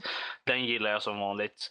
Uh, jag är lite, var lite besviken på character creation, uh, för ansiktsgrejen. Den var lite... Jag kände Jag- att det, det, Jag tror inte det du kändes slår Max i det... besvikelse i alla fall. För som han berättade förra veckan, han gjorde han fyra, fem gånger han gjorde om figuren. Ja, Ja, jag, jag gjorde om min också och började om. Oh my god. Ja, nej, jag, jag, jag, jag känner att det var Men jag hade inte kört så långt. Det, det kändes som att eftersom det är ett Next Gen-spel egentligen, är det ju. Det, det ska vara det.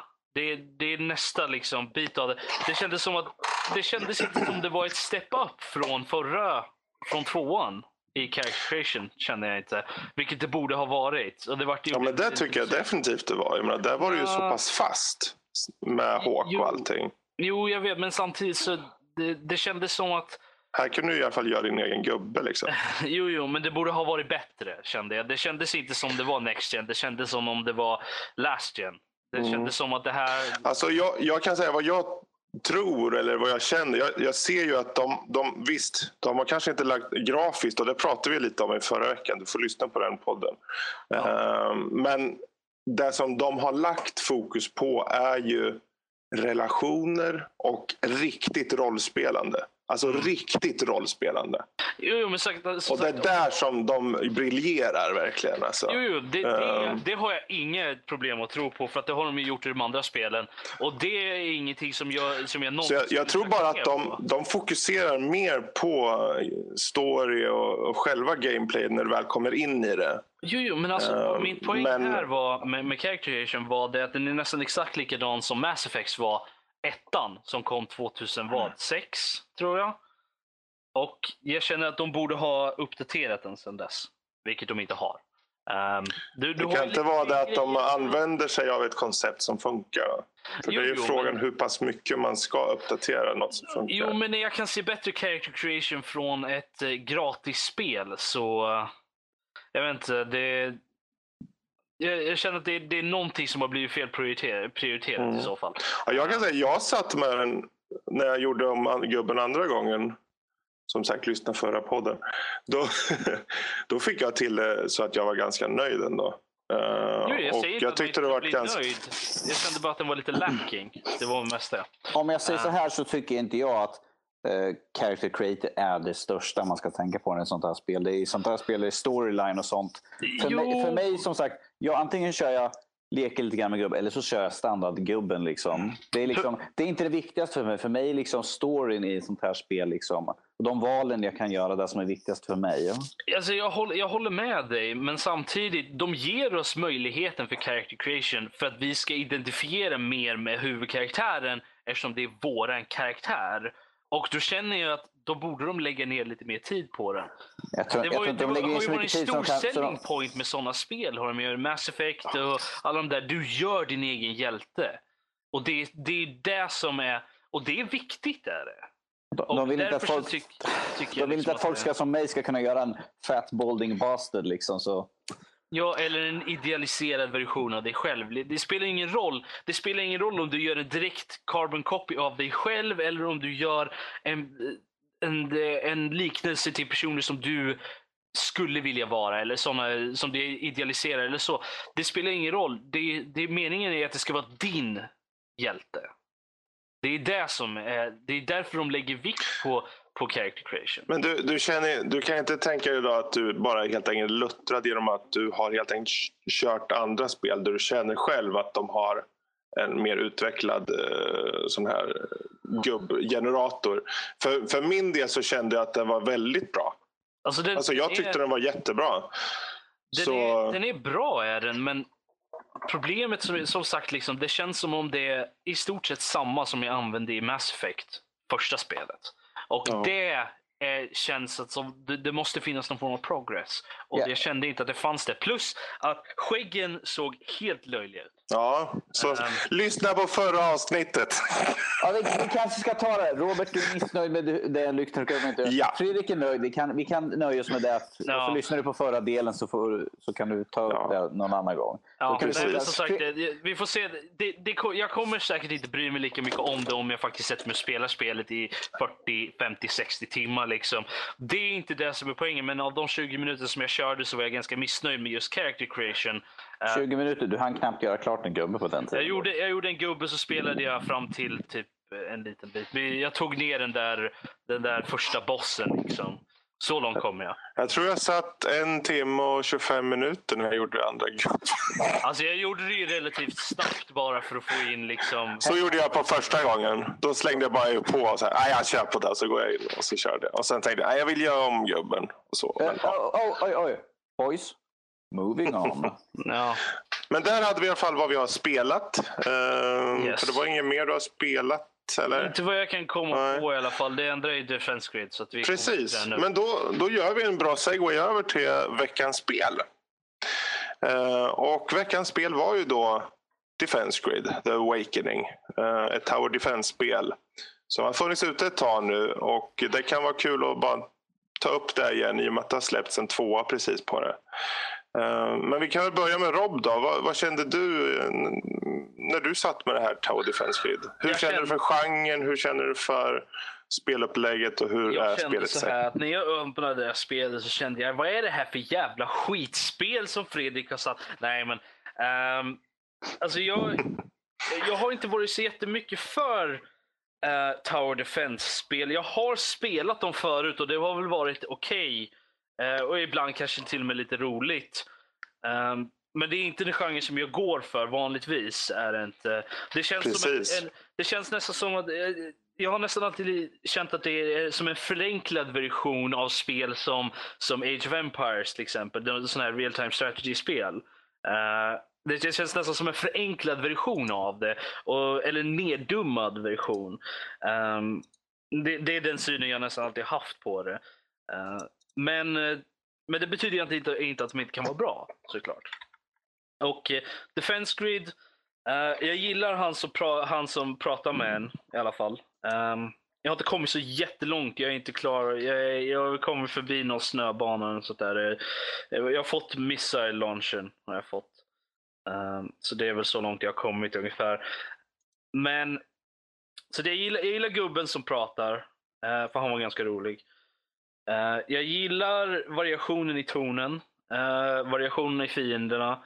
Uh, jag är inte så mycket, så jätteförtjust i banorna förutom de som där man kunde skapa sin egen väg. Där, där man liksom dikterade vilken väg som fienden kunde gå. De gillade jag. De andra var väl okej, men det kändes som jag aldrig hade tid att uppgradera alla byggnader så som jag ville göra. Och det, Uh, jag gillar inte riktigt det.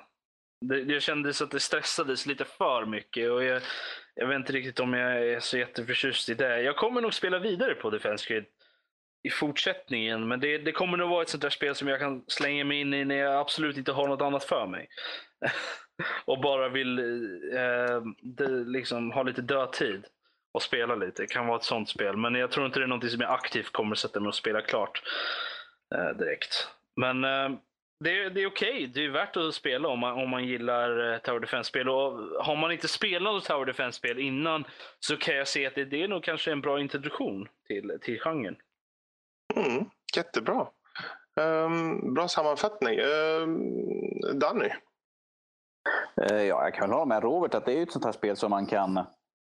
Man kan, man kan ju liksom sätta sig och köra en bana. Det jag tycker det är ett skönt spel. Det, det, det är ju som sagt, det här är inte heller min, min genre av spel. Jag har spelat förut och jag har spelat... Vad heter det andra spelet? Fredrik? Det andra? Eh, Sanctum? Sanctum, eller? ja. Mm. ja, Sanctum har jag också spelat. Det är ju Tower Defense och jag äger faktiskt South Park uh, Tower Defense på Xboxen, men det ska vi inte prata högt om. Eh, så jag har ju spelat förut. Det är ju sådana här spel som man sätter sig liksom så här, "Ah, jag känner för att, köra, för att ta, liksom, köra lite strategi och så. Det tycker jag är lite skönt ibland när man går ifrån, har suttit typ, om man har suttit åtta timmar på Assassin's Creed så tänker man bara, jag behöver lite variation just nu. Då är det ett väldigt bra avkopplande sätt att göra något annat istället. Och då är Tower Defense ganska bra tycker jag, för det är, liksom, då är det en helt annan typ av spel och då man går in i en helt annan mindset på det. Jag har ju kört lite grann här och jag har ju kört förut på PC också. Så det var ju lite intressant att köra på kryssbox med kontroll mm. och köra. Så det är ju ett helt annat upplägg än att sitta liksom och titta med en liksom, hmm. Men jag, jag tyckte det gick faktiskt rätt bra och uh, det är sånt där, som är, sånt där spel som man kan sätta sig som sagt. Just kontrollerna i, i Defense Grid tror jag passar väldigt bra till både konsol och PC just hur det är upplagt. Mm. Uh, måste jag säga. På grund av att många spel uh, som använder sig av muspekaren vanligtvis har ju, uh, som RTS och sånt där, där har du ju muspekare som du gör alla grejer med. Här så har du ju en centrerad um, cirkel som följer musen runt skärmen som, som jag kan se fungerar väldigt bra med, med en handkontroll också. Ja, det, för min del, Istället för att ha en muspekare så har du en centrerad uh, um, cursor. Liksom.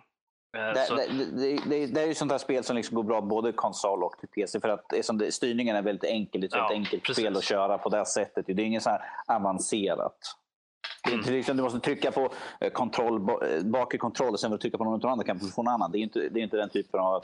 Du kör liksom A för liksom eh, bygga dina saker. Ja, det, A för att uppgradera. Vad jag menade mer var... Ja, jo, men det är ju det också. Men sen är det också det att det, det är en väldigt simpel P, indicator som man mm. använder.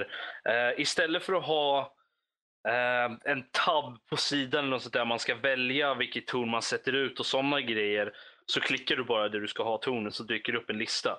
Uh, mm. och som du, och uh, Istället för att ha, även när man kommer upp i såna här valmöjligheter, istället för att ha en muspekare som du kan dra över så, så highlightas bara de, de grejerna även när man använder mus.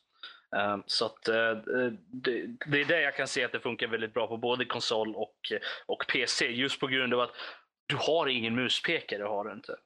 För det, jag har alltid känt att det har varit problem när det kommer till många spel som är Uh, som är just RTS-spel eller kanske till och med Tower Defense för att spela så många. Att, att muspekaren är en stor del av det eftersom du måste göra mycket val uh, och plocka ut uh, dina towers och andra grejer för att sätta ut dem.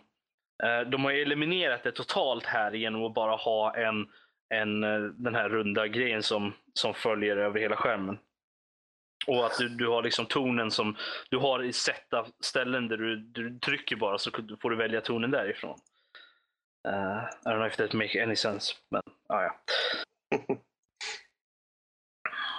Men sagt, det är ett väldigt enkelt, enkelt spel på det alltså, mekaniskt sett, Sen är det liksom, eh, såklart frustrerande när man, man bara, vad gör jag för fel? De springer bara förbi vad ska jag göra? Vad, vad, ska jag ändra för strategi? Det är väldigt mycket sånt där. Man, man kör, man, eh, jag, jag har sett Fredrik spela här. Och det är mycket så här. Nej, klick, klick, klick, hoppa tillbaka fyra gånger och så liksom, jag kör på det här istället. Och Fredrik han, han, han kör verkligen för 100 procent av det här. Ja, jag, kände det, jag kände det där frustrationen flera gånger. Man bara, okej, okay, de har tagit min core. Och nu springer de iväg. Ah, nu, men nu, nu har de sprungit iväg med Nu kan jag inte ta fuck this och så backspace för att gå tillbaka. gå tillbaka typ en, en save point och så hamnar man. Sen, alltså save point, jag gillar det att man faktiskt kan gå tillbaka. Uh, att man behöver inte spela om hela banan för att liksom fixa det man gjorde fel. Utan man kan bara gå tillbaka till senaste save pointet. Däremot så kände jag att save pointen kunde vara lite närmare varandra. Vissa, I vissa ställen. Men, men samtidigt ibland så kände jag att den savade på väldigt inopportune times. Liksom. Att, ja, men, mm. ja, men de, har ju, de har ju precis gjort fel här och så savade den där. Och så när jag går tillbaka så hamnar jag precis där det gick fel i alla fall. Så då måste jag gå tillbaka ytterligare en för att fixa det. Och då är det fler sekunder där. Som, ja. Men det, det är ju bara det är en minor, minor gripe snarare än någonting stort. Och eh, det, jag fann mig själv faktiskt inte bryr mig så jättemycket hur vilken score jag fick. Så länge jag klarade av det mm. med, med alla cores. Um, och det, det, man kände att man fick en ganska stor satisfaction av att, av att spöra de där riktigt stora, uh, de röda uh, um, aliens. Mm. Så att uh, jag kände det, det, det var väl roligt på det sättet i alla fall. Och som sagt, det, det är ett tidsfördrivsspel snarare än, än någonting annat. Är det. Tycker jag i alla fall. Uh, det, det, är lite i samma stuk som, som uh, Minecraft och sådana där. Sådana som man kan bara hoppa in i och spela. liksom. Utan att, utan att behöva tänka på, på mycket annat. Uh, sen kan jag tillägga även att jag lyckades inte spöa någon av Fredriks scores. Det, är långt ifrån. Flera tusen points. Ja, Fredrik, eftersom du är som vår maestro på de här typerna av spel. Ja, alltså... Vad, vad är Vart börjar jag någonstans? uh, I mitten. Ja, jag började ju med Defense Grid för, jag vet inte när det kom, det kom ju för typ 2009 eller något. Men jag, jag skaffade inte förrän kanske tre år sedan någonting. Och det, ta, det tog mig typ två, tre år för att få den hundraprocentad. Eh, men ungefär som ni så är det ett spel som, för jag gillar spel som jag kan slå på, jag kan lägga upp en strategi och jag kan sitta och läsa en tidning. Eh, under tiden. Jag kollar vänta, till lite. Vänta. Du menar alltså att det är ungefär som att gå på toaletten? Uh, ja, fast utan att jag behöver bajsa. Jag, jag tror att Fredrik kör med den här att jag slår igång det här, sen går jag och kollar till ungarna, så går jag tillbaka och har det hänt någonting? Ja, det, nej, jag, jag måste sitta vid datorn. För bryter de ut, då vet jag att då, då har min uppställning inte funkat och då måste jag se över den snabbt och uppgradera. Eller flytta eller sälja och bygga på andra ställen. Eh, nu, inledningsvis, precis som eh, Rob gjorde där med att han först kom på, han kom på sig själv att ja, men jag vill bara klara av banorna. Så började det för mig också. Jag körde igenom alla egentligen med bara fokuset att först vill jag få liksom, högsta poängen, liksom, alltså guld typ. Men sen efterhand tänkte jag att det här jag orkar inte så jag körde bara för att klara av varje bana. Bara för att ha det avklarat kände jag då. Eh, men sen i och med att jag låste upp de andra spellägena som finns, som survival och de här andra lägena som finns, så fick det mig att, ja men vänta, jag hur ser det ut egentligen här? För det, jag menar, varför kan jag inte vinna på den här banan när jag satte guld på den tidigare? Och så kollar jag lite på till exempel eh, om vi tar den femte banan i ordningen som man tycker då, ja, till skillnad från de fyra första så, så är de busenkla och den här är bara snäppet eh, svårare. Varför får jag inte till guld på den? Så då, då handlar det om att man ska liksom testa sig fram först. Vilka towers passar för den här nivån? Vil och sen hur är den uppbyggd? För vissa banor är ju som man sa, vissa är öppna. Du kan placera och låta styra aliaserna till hur du vill. Och på det sättet, de, de tycker jag också är roligast nästan. Men det roliga med de andra banorna, att då måste du tänka hur ska jag klara av att leda dem eh, genom den här gången Eh, med de torn som jag har tillgängliga. Och vilka torn behöver jag använda mig av? Och i vilken nivå behöver de vara för att jag ska klara av det? Så då behöver man hamstra på pengar. Man behöver ibland kanske sätta upp temporära torn för att få dem att börja gå en hel väg, stänga och låta dem gå runt det och gå tillbaka. Bara för att vinna tid. Och när du gör det så får du dem att dels tjäna in extra poäng men också eh, få guldet då på banan i och med att du klarar att rädda alla cores. Eh, och så kan man eh, applicera på alla banor. Du får hela tiden, i även den enklaste banformen, tänka ja, men hur optimerar jag den här banan? Man testkör någon gång, man kanske bara får brons eller något. Och så tänker jag, men den, det upplägget funkade, jag klarar banan, men hur klarar jag för att få den till guld? Då lägger man, man börjar med ett, ett par torn och känner efter och sen fortsätter man bygga. Min, jag har ju kört typ 400 timmar av det här. Så jag har ju satt den ganska bra som ni sa förut. Um, och ändå och, ligger du bara på ungefär 60 000, i, eller 6 000 kanske det var, i, i ranking. Ranking. Ja, men jag skiter i rankingen. Jag, jag, jag, jag, för mig är det här ett jättebra spel. Jag tycker det är så kul att bara sitta med och köra här. Nu har jag inte kört första Defense Grid på länge sedan jag uh, 100%ade det. Det var också någonting som fick mig i slutledet där att faktiskt vilja köra vidare. Mest för att jag kände att det fanns det finns vissa spel som har achievements som inte betyder någonting. Och så finns det andra spel som ett achievement faktiskt betyder att du har lagt ner bra strategier för att klara av det. För när du kör på de hårda nivåerna på, på det här, då kommer alienarna alltså, eh, ta sig igenom dina towers oavsett. Och då gäller det att du snabbt säljer och snabbt bygger upp, lägger upp en strategi, får leda bort dem på fasta banor. Och det är oftast ganska svårt. Och särskilt när det kommer en snabb hord efter och du kan se vilken slags horda och så vidare.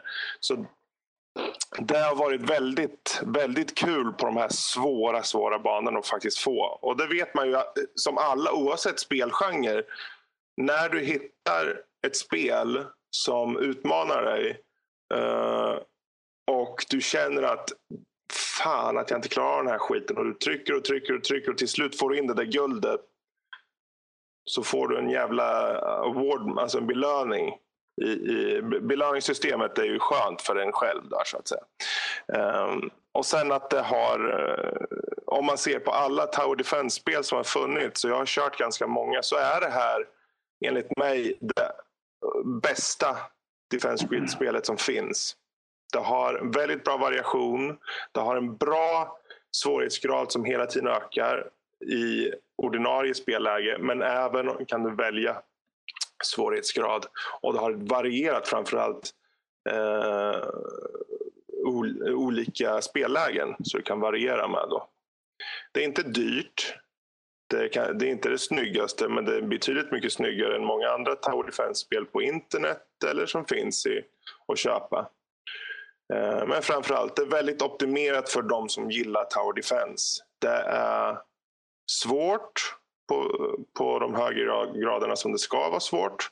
Och du måste verkligen anstränga dig för att klara av det.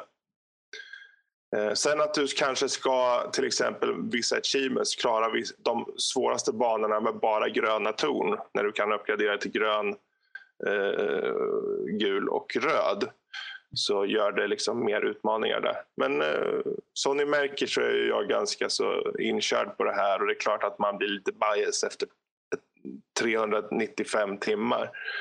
Eh, men eh, jag har ju å andra sidan kört ganska många Tower Defense-spel och det har jag överlag alltid gillat den formen av genre. Och då står Defense Grid ut ganska rejält och det är helt enkelt fram, beroendeframkallande för de som gillar den typen av spel och eh, du kan ta en kvart per bana eller du kan sitta en timma. Eller två till och med om det är survival på 99 eh, vågor. Så. De tycker jag nästan är ännu roligare. Wow. Ja, riktigt så hardcore känner jag nog inte att jag är. Det, det är nog ett sådant spel som jag kommer komma tillbaka till om typ en mm. månad eller någonting. Spela en kvart och sen jag komma tror att en månad efter det. Det du ska göra om du ska ge det här tid, att precis som du sa, kör igenom bara, bara för att få brons. Ge dig på de andra spellägena och testa hur de känns för dig. Till exempel om du har Frozen Core eller om det finns eh, Survival till exempel. Jag läste vissa av dem och såg liksom, oh, men de här kan man ju spela också på den här. Och mm. tänkte det att, nej. Så tänkte jag också. Jag tänkte, fy fan! Och så ska jag ha guld på allt det där också. Ja, nej, jag, jag tänkte mer liksom, det där har inte jag någon absolut lust att spela. Mm, testa Fro dem. Frozen Core speciellt. Ja, men där gör de just Frozen Core när, när den stannar jäms med banan och det blir hektiskt och du vet inte riktigt hur. Så kan du i mitten av spelet, säg att det är 20 vågor till exempel.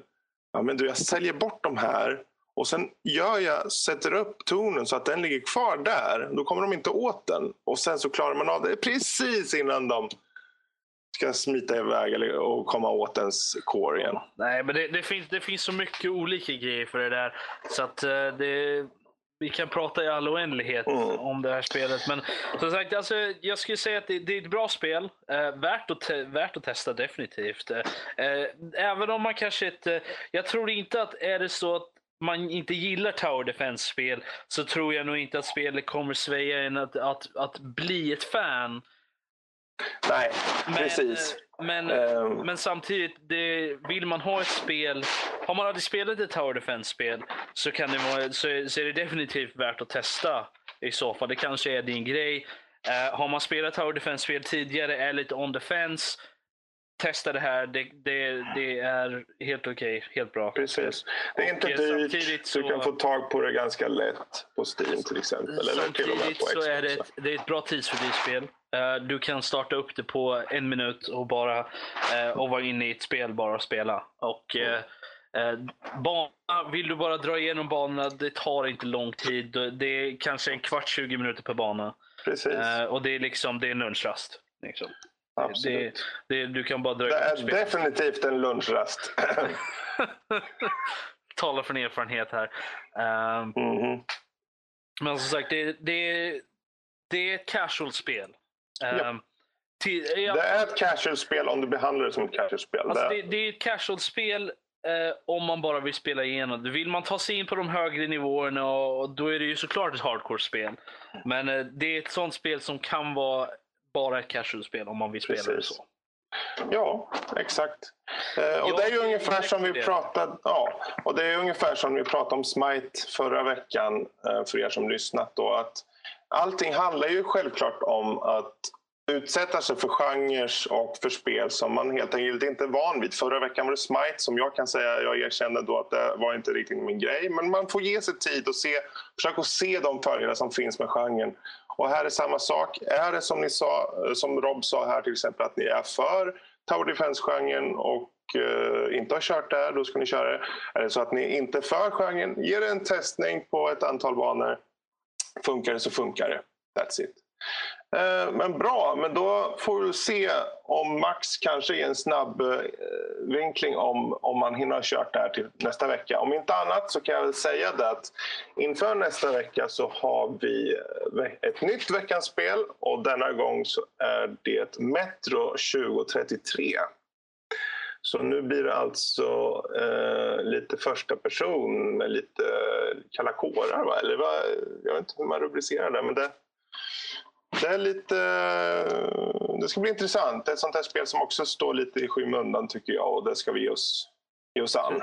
Jag tror att Metro 2033 är ett sånt spel som inte många har hört om. Last Light hade ju en ganska stor release, hade det ju, men, mm. men 2033 varit lite överskuggat på något sätt. Det, det, det, är inte så nytt heller. Det är från typ vad 2010 eller något sånt där. Tror jag. Ja, något sånt. Uh, så det, det, är inte, det är inte nytt. Är det inte. Men jag tror inte, jag hade aldrig hört talas om det förrän Last Light kom och de hade en sån här promo, ah, okay. premium-grej där, där de faktiskt gav bort 2033 gratis inför Last Light. In, inför Metro 2033 så var det väldigt hypat i och med att det är baserat ut efter väldigt kända böcker. Då från ja, då, jag såg att um, jag, jag, var faktiskt inne på um, sci-fi bokhandeln i Stockholm mm. här, här igår.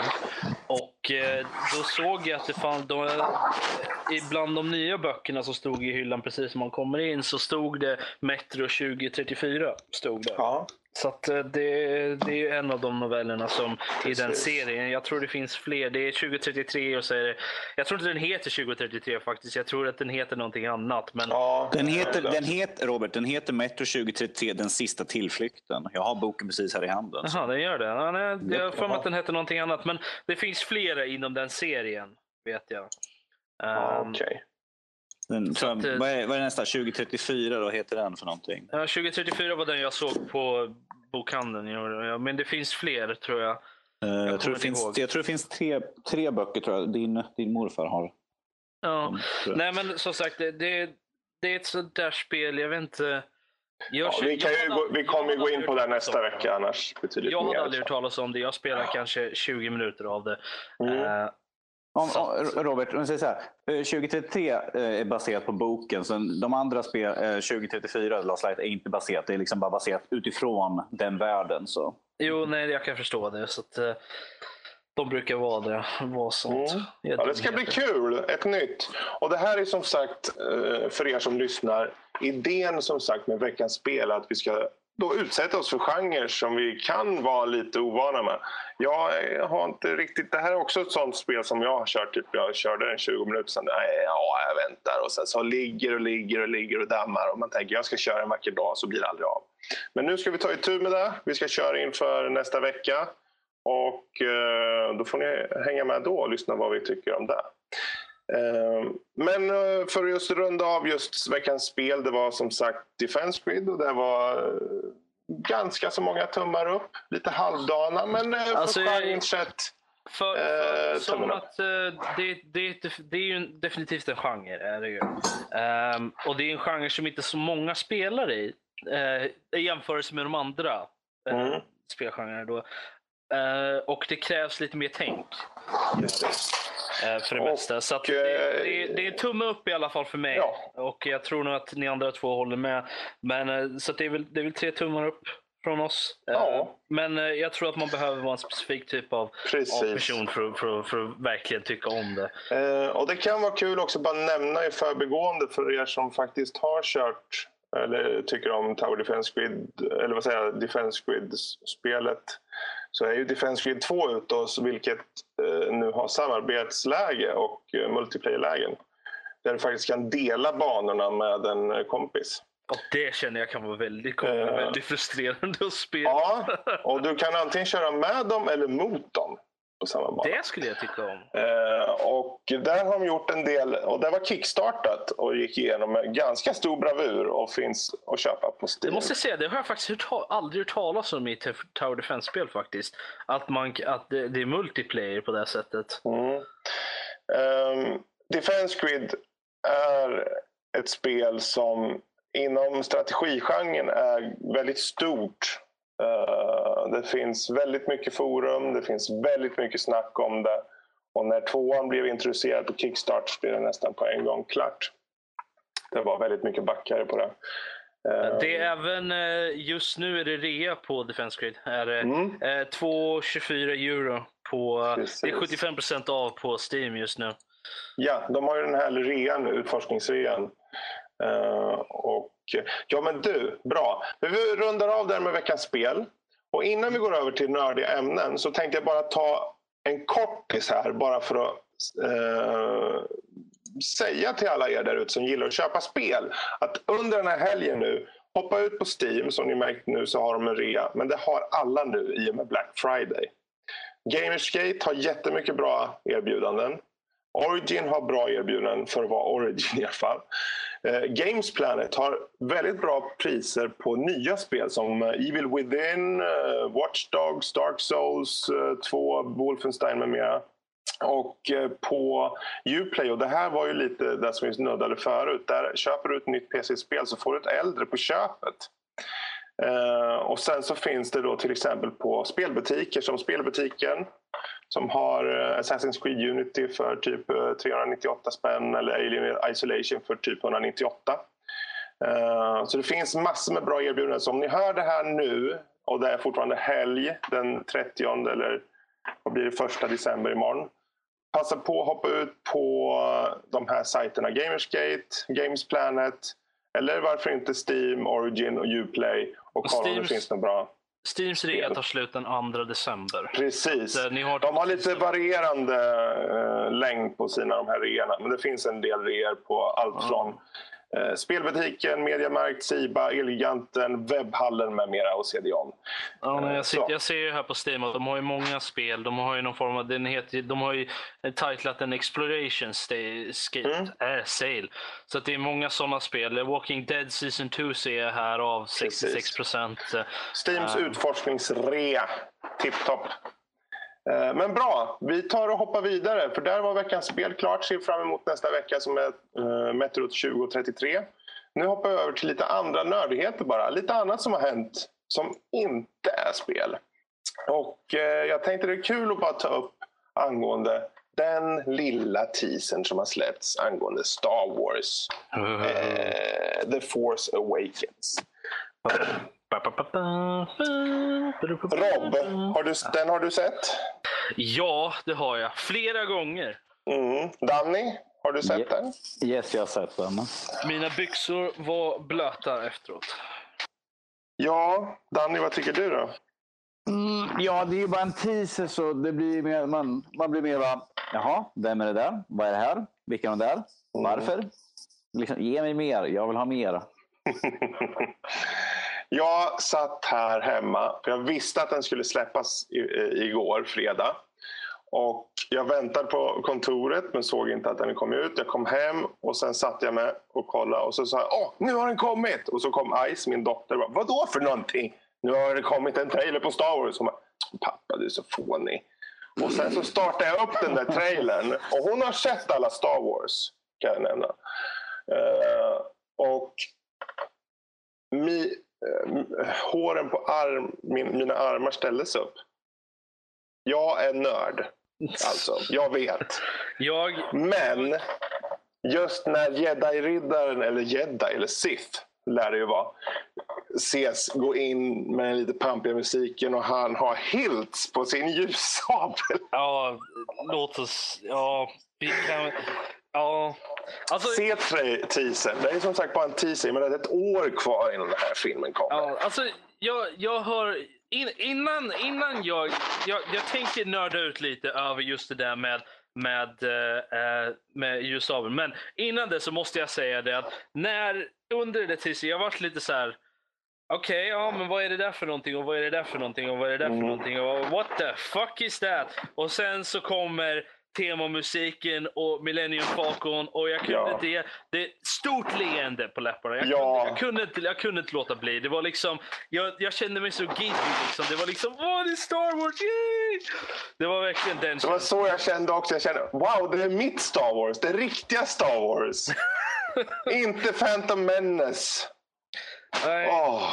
Alltså, jag, även jag som... Jag, jag, jag håller en stor kärlek för, för originaltrilogin och även en hel del för prequel trilogy. Uh, kanske inte Phantom Menace jättemycket, men uh, de andra två i alla fall. Eh, så att jag, jag, jag är stort fan av allting Star Wars. Är jag.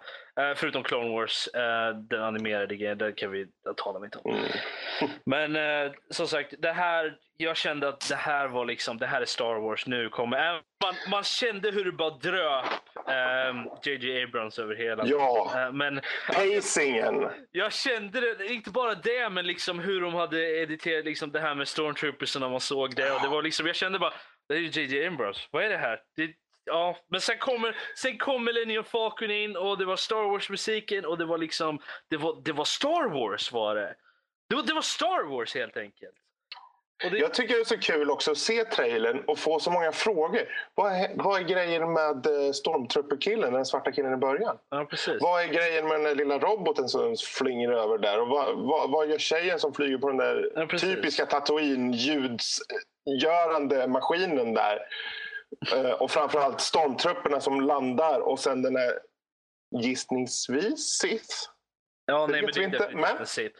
Ja, nu... Och sen hör man bara avslutas. Man ser Millennium Falcon flyger och TIE Fighters. Och tänker, "Va, men Imperiet här, okej, eh, vad? Liksom. Och sen bara eh, Star Wars, Force Awakens, svart. Och så hör man en ljussabel bara. Ja, jag, jag, jag Jag, mm. jag, jag har svårt att artikulera mig här, hur, hur, jag, hur jag känner över hela... Voiceovern. Vem är det? Vem fan gör voiceovern? För den var jättebra. Alltså jag vet inte, men det är säkert en sån här typisk voiceover. Jag tror inte det... Jag vet inte om det är någon som faktiskt är med i filmen eller om det är... Det är ju ingen typisk voiceover-kille. Utan det här är ju en monolog. Ja, men det är ju inte, det är inte Mark Hamill i alla fall. Nej, nej. Och det är inte, det är inte Harrison Ford. Nej. Så, så vem är det då? För det är de enda två manliga... Och det är, det är, inte, det är inte Billy D. Williams heller. Det, det, det, det, jag vet inte... Någon vit äldre kille lät det som. Ja, det lät som det definitivt. Men så vi, vi får se helt enkelt. Ja. Nu, okej. Ljusaveln. Nu måste vi faktiskt. Det här känns som det, det är en poäng. Jag måste bara säga först innan, för jag har en känsla av vart det här kommer. Ja, J.J. Abrams, han går efter utseende till mycket. Men han har kanske inte funktion, men han har coolhet i allt. Ja. Bara där. Så, fortsätt, kör. Okej, jag, ska, jag, ska, jag ska dra det här lite parallell med vad jag tyckte om face, Facers från Star Wars. Eh, och det är det att jag tyckte inte alls om dem. Jag tyckte det var fånigt att de flippade runt så här och liksom, det var, nej, jag gillade det inte. gjorde jag inte helt enkelt. Och Vilka när det kommer till den här ljussabeln, så jag gjorde faktiskt lite research. Gjorde jag. Och i Expanded Oj. Universe för Star Wars så finns det faktiskt en recorded version av en ljussabel som har en sån här hilt-grej. Alltså en, en extra ljusstråle som går ut. Men den sitter snett uppåt på ena sidan bara så att det är lite som en guard. Och den makes more sense än vad den där gjorde. För den där den känns helt opraktisk. Dels så är de här, de här emitters, de sitter en bra bit ut från, eh, från, själva hilt, eh, från själva hållaren. Vilket innebär att man kan dra en ljussabel av dem så går de av. Uh, och dels så, kan du så finns det en väldigt stor chans att du skulle göra dig själv illa med, med de här små ljussablarna som sticker ut där. Så jag känner inte att den var speciellt praktisk. Och det känner jag, att det, jag läste det, att det var någon, det var någon som eh, argumenterade med det, att, att Star Wars har alltid gått för stil, men även praktiskt. Så att ljussablar har väldigt, varit väldigt stilrena, de är snygga, de är coola, men de är väldigt praktiskt byggda också. Och det kände jag inte den där var. Den kändes som det var bara stil och ingen, ingen praktik i det hela. Jag kan hålla med dig. Det, det, det är först och främst stil. Men det som jag har tillit på här och det som gör mig väldigt pepp är just att det är Abrams som gör det här. Jo, jo, jag, jag, jag Eh, tror det, men, men och samtidigt jag så, tror att vi får se, men det är ju lätt. Det är så svårt att säga sånt sagt- här. Men det, var därför jag tog upp det här med Facer, Facers. För att J.J. Abrams gjorde mycket bra med, med, med, eh, med Star Trek. Gjorde han. Ehm, Ja, han fick ju tillbaka Star Jo, Trek. jo, Annars han skulle gjorde det vara väldigt bra dött. med det, men, men han var ju felfri. Det där med Facers var en grej som jag störde mig ganska mycket på. Vad var det med Facers då? Ja, men de- de flippade runt när man bytte från stun till kill och, och det var fånigt. Och varför kunde de inte bara behålla de gamla facepistols? Jag fattar inte. Det kändes Jag visste inte ens att de hade nya. uppenbarligen har du inte pay attention. Du är inte riktigt nörd. Gå härifrån. Uh, Du vet, jag, jag ser mer helhet. Jag tänker så här, är det en bra rulle, då skiter jag i om de har Alltså, små jag- detaljer. Jo, jo, men det var en sån här grej som jag reagerade på. Alltså jag gillar filmer. Don't get me wrong. Jag älskar de nya Star, Star Trek-filmerna. Men, Men det är klart jag måste nitpicka lite. Och Varför då? Där, där, låt en upplevelse vara en upplevelse. Det är inte mer än för jag är så. nörd och det är det vi nördar gör.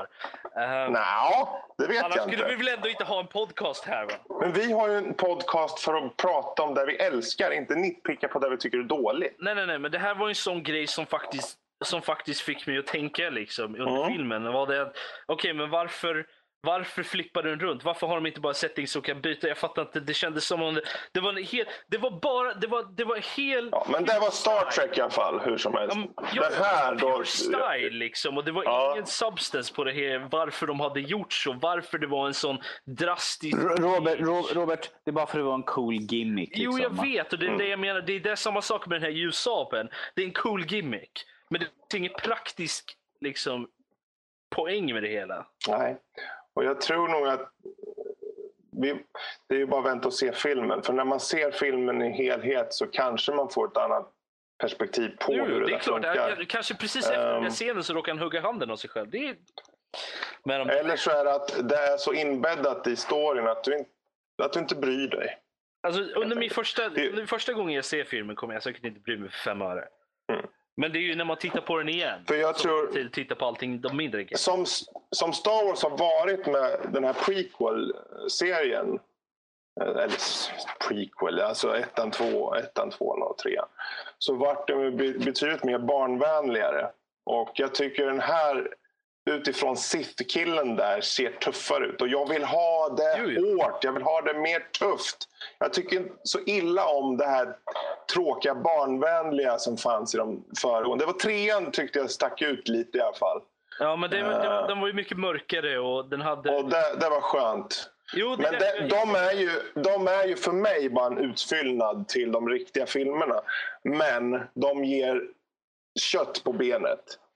Det här, vad de har nu framför sig och varför det står Star Wars Force Awakens men det står inte Episod eller någonting. Nu har de förvisso egentligen aldrig gjort det egentligen. Det, det har de satt på efteråt. Men jag känner på om det känns som att de, de ska göra en ny trilogi och i och med att de inte namnger det lika fullt ut så öppnar det ju till alla de här spin-offsarna som de ska göra också.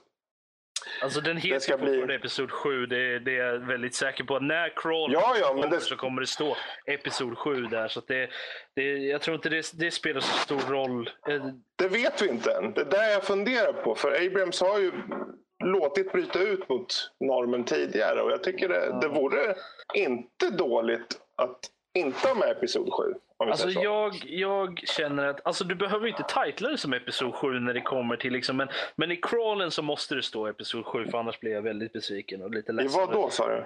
I, crawl, I opening crawl, när, när texten kommer i början. Jaså, ja ja. Där. Då måste det, det står alltid Star Wars kommer upp och bam och så åker den bort och så, så står det Episod 7 och så är det, eller titeln Mm. och så är det Episod 7. Men det, det, det visar ju på vilket kapitel det är liksom i historien. Då. Ja, ja, men det, alltså, Mm. själva, själva, det är ju Star Wars. Jag menar, så, så länge det är Star Wars Fast länge, jag kan tycka att det, det behöver inte vara Episod 7. Faktiskt. Klart det är Episod 7. Den utspelar Nej, men jag menar det att för mig, jag tänker nu, jag ser eh, texten framför mig. The Force Awakens, sen kommer texten. Det skulle inte göra mig något om det inte stod med Episod 7 faktiskt. För man vet ändå, det har gått 20 år, varför labla det på det sättet? Du kan lika gärna ha, låta det bryta ut så har du mer utsvävat. Ja, men det, Alla var, Marvel. det var ju typ, det var ju, det var ju typ vad var det, 15 år eller något sånt där och sen var det episod 1. Liksom. Det måste, alltså jag, känner att, jag känner att även om det inte lägger så mycket vikt i det hela egentligen, alltså det, man behöver inte ha den med där. Men Om det är en vi- nice touch. Är det. Om vi säger så här. Officiellt kanske den bara kommer att heta Force Awakening och sen, inoff- ö, sen liksom inofficiellt så kommer det alltid vara Episod 7 hur man än ser på Ja. det. ju. Folk kommer väl säga så, 7 Alltså, spe- Men Folk speciellt- säger aldrig kanske det heller. Speciellt som de lägger det som en ny trilogi Mm. så är det ju 7 till 9. Det är liksom, it makes sense att ha det så. Så har man de andra, så har man ju alla trilogierna ingrupperade i de olika, i de olika numren. Alltså rent marknadsföringsmässigt så ser jag absolut varför man skulle göra så. Däremot, i och med att storyn skulle jag tippa på, visst du har med Harrison Ford, du har med Mark Hamill, men den kommer inte ham, ham, handla om dem. De kommer vara, tror jag, med kanske i första och lite små cameos senare. De kommer göra helt nya stories med helt nya personer. Jo, Och det, då jag spel, inte, jag och, inte det och det, men, det som är episodbaserat tidigare, 1-6, det har varit om det här stora arket. Nu är det ett nytt ark. Det gamla, det är det gamla. Det har ingenting med de episoderna som har varit tidigare. Och därmed så behöver det inte vara en episod 7.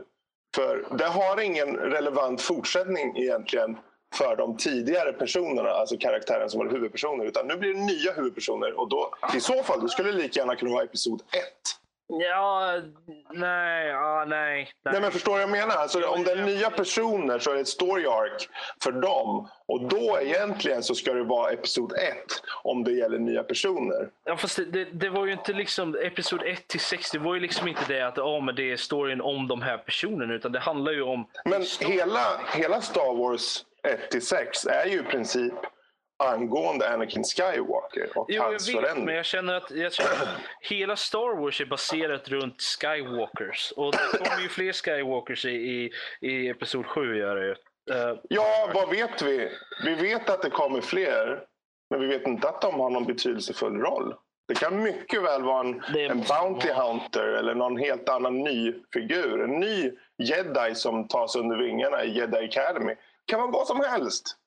Så jag Jo, tror att men de, jag känner- jag- men det här är en helt... Nu tycker jag... Nu, det här är, teasern har varit bra. Jag är pepp. Det ska bli kul om ett år. Och jag hoppas verkligen att se nästa trailer. Vi får se när den jag, kommer. ser, jag ser fram emot... Vi får, ha en, vi, får, vi får kolla på nästa trailer när den väl kommer så kan vi ha en lite större... Jag kan säga så här, både jag och Rob och säkert Danny, vi är helt enkelt jävligt sugna på den här filmen. Ah. Jag och Rob är väldigt sugna på den här filmen.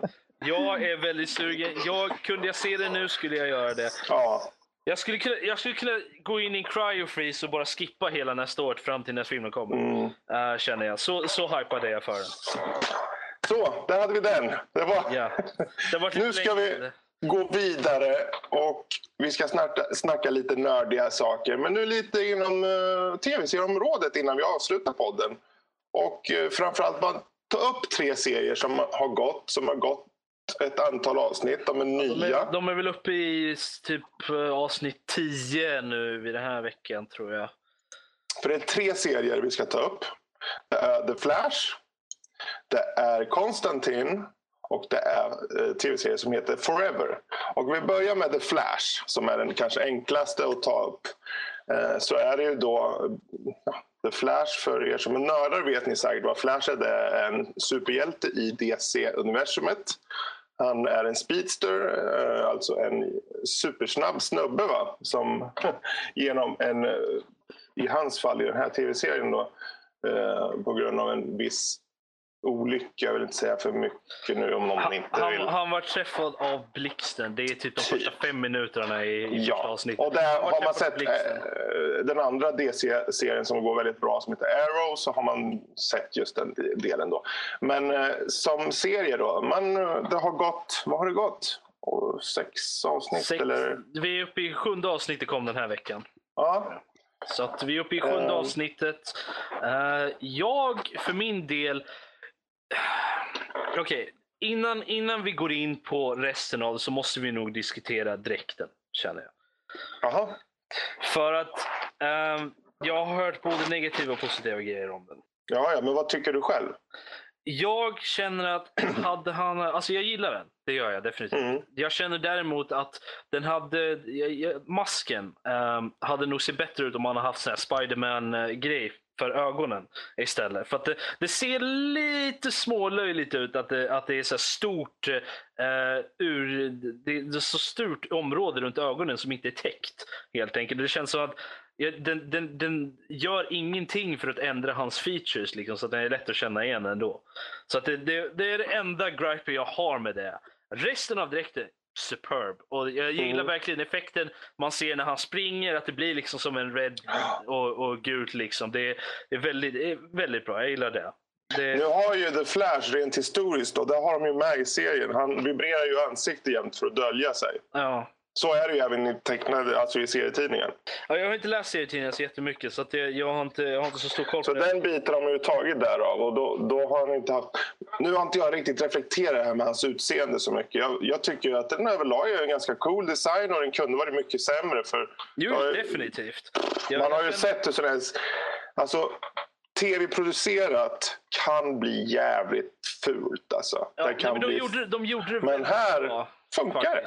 Jo, nej, men de har gjort det väldigt bra. Den ser liksom bra ut på honom också. Det var, bara, det var min enda grej. Jag, det är grown Mm. on me. Det är självklart. Okej. Det, det är inte så att det är, det är en grej som jag fortfarande tänker på när jag ser dräkten. Utan det Ja. var bara när den först introducerades så tänkte jag det. Alltså, okej, men ögonen liksom, hallå, det, det ser lite... Okej. Men, men nu sju episoder in, jag tänker inte ens på det. Jag. Men då, varför pratar vi om The Flash? Jo, det är ju nu en våg av eh, filmer med seriehjältar och eh, tv-serier börjar ju eh, utannonseras inom både Marvel, har kommit The Agents of Shield till exempel och här kommer då DC med en serie som jag tycker, om jag får börja här med vad, vad jag känner för den här serien. Eh, det här är den som jag nästan tycker är bäst i eller tycker är bäst. Det här är den bästa DC. DC-serien just nu. Den klår Arrow, definitivt.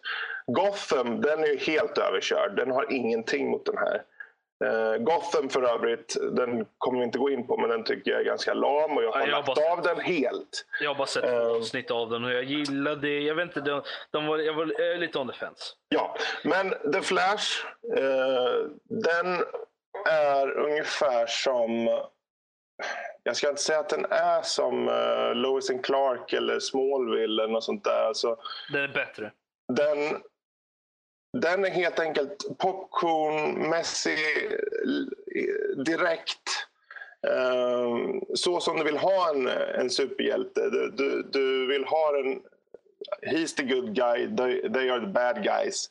Och det är ganska enkelt. Det är inte dark and gritty för fem öre tycker jag. Och det är skönt. Jag är så trött på det här nu. Den är det, men jag tror att den, den är väldigt upplyft på grund av Ja. just Barrys karaktär. Alltså Barry Allen som är The Flash. Men jag tycker, jag, jag tycker inte den är dark and gritty. Alltså det, jag tror att den, den lätt kunde ha blivit det mer. Eftersom, eftersom det är en spin-off från Arrow så håll, behåller den ganska mycket samma ton.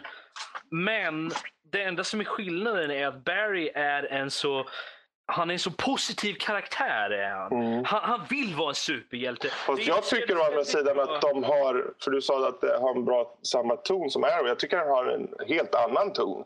Alltså, jag, jag känner... För jag tycker de har differentierat den ganska rejält mot Arrow. Vad, vad jag menar där är att den håller en, en, en den håller en väldigt jordnära ton men samtidigt håller upp det, visar hemska, alltså saker som om man, om man jämför med Smal, Smallville till exempel. Det Mm. tog dem massa, flera säsonger innan, innan, det, innan de kom in i det där där de faktiskt kunde göra lite mörkare bitar. Där det verkligen var, man kände liksom oh shit liksom. Och, men jag känner att både Arrow och, och Flash gör det väldigt bra rent tidigt. Så de har den här seriösa tonen eh, som gör att man, man bryr sig. Man, man blir lite rädd. Så här, att, Åh, vad händer nu?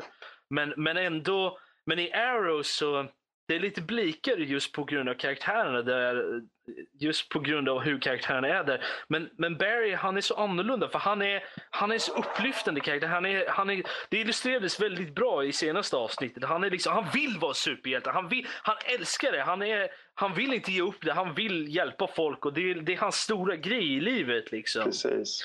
Däremot Oliver Queen i, Arrow, han är en bra superhjälte. Han är en bra karaktär. Men, men han är lite...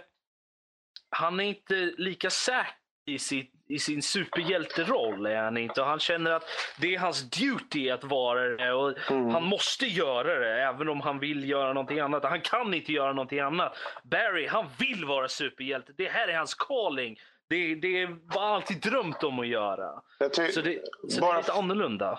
Precis, jag tycker du är jättebra poäng där, för det är precis så det är. Och, Och jag, må, jag måste Sen- faktiskt säga det att jag, jag älskar Arrow. Jag, har- jag har varit fan sedan day one. Det, är- det är en av mina favoritserier är det, att titta på varje vecka. Så, att, Mm. så att det, det är inte det. Och jag, måste, jag måste även säga att jag var lite on the fence med Flash i första, under första och andra avsnittet faktiskt. För att första avsnittet var lite camp på vissa ställen. Men de hade inte riktigt hittat sin grej ändå. Nej. Hade de inte. Första och andra avsnittet var väldigt mycket som introduktion och de försökte hitta sina fötter. Men efter det så har det bara rullat på. Det, det, jag är väldigt nöjd där. Ja. Jag vill bara säga det för de som lyssnar som kanske... Alltså, det finns, jag känner att det finns nästan två läger vad gäller superhjältar. Antingen gillar man jordnära superhjältar som är vanliga människor som tar upp fighten mot brottsligheten. Eller så har du superhjältar, alltså sådana som får speciella krafter. Jag gillar alltid mer de med krafter. För att jag vill jag se en serie undantaget är egentligen bara Batman. Det är den enda som jag har tyckt var intressant. Eh, men utöver det så är det de med krafter som jag vill se. För vill jag se den vanliga vigilante liksom, då, det, det, det får mig inte igång riktigt samma, lika mycket som en som får speciella krafter och har någon specialkraft som, som inte finns på riktigt, liksom, som är verkligen fiction. Va? Eh, och där, de två lägren, jag tror, är du så att du är av lägret där du gillar den här vigilante, den som, som Arrow, då, då kommer du vara mer för den. Men gillar du de här typiska, klassiska arkety, arketypen av en superhjälte, eh, alla Superman eller eh, The Flash, då, så, så kommer den här vara något för dig. Jag, jag måste faktiskt säga att jag är lite av båda faktiskt. Jag, alltså jag gillar Batman, jag gjorde det, men jag tror nog att jag gillar faktiskt Arrow, The Green Arrow väldigt bra i den här tv-serien. Jag vet inte, men jag gillar pilbågar, det har alltid varit en grej. Robin Hood, liksom stor, eh, stort fan. Så att jag har alltid gillat den biten, liksom, att han använder pilbåge, liksom, det är coolt. På det sättet så, jag tror, på det sättet så gillar jag nog hans eh, Arsenal lite mer. Um, gör jag. Och Flash, han springer riktigt fort, det är coolt. Det, det finns inget snack om saken. Liksom. Och sen, men, men det som, det som sitter för mig, liksom, det, som säger, det som får mig att gilla dem är ju faktiskt karaktärerna. Och jag gillar också att de har, istället för att sätta upp karaktärerna som, som, som ensamma eh, superhjältar som gör allting själv och sådana grejer som det är mycket i, i, eh, i serietidningar och sånt där. Att de, de har, här har de ju ett team. Liksom. De är team. De är, de är flera stycken som, som hjälper till och, och har liksom en grupp som de kan prata med och, och, och interagera med. Som vet att de är superhjältar, vet deras riktiga identitet och som de, som de kan ha en, en ordentlig konversation med. Och sen kan man nämna lite just att crossovern från Arrow till Flash har varit väldigt bra tycker jag. Jag tycker att det har funkat väldigt bra fast de är så pass skilda. Så Ja, det det lite- pusslas ihop bra. Jag måste, jag måste erkänna att eh, interaktionen mellan Barry och Arrow och Oliver i första avsnittet var lite den var lite camp var det. Men första avsnittet var lite camp var det. Däremot, när, eh, däremot eh, den andra crossovern som var den, var, den var väldigt bra. Men det är för att jag, jag gillar verkligen eh, de två karaktärerna. gör Jag, mm. Eh, men eh, nu har vi, vi två pratat på. Kan, men Danny, vad tycker du om The Flash? Jag är helt okej okay med serien. Jag är intresserad av att se hur det ska gå. Liksom. Det är så mycket intriger och mycket bakgrundsgrejer som för Liksom.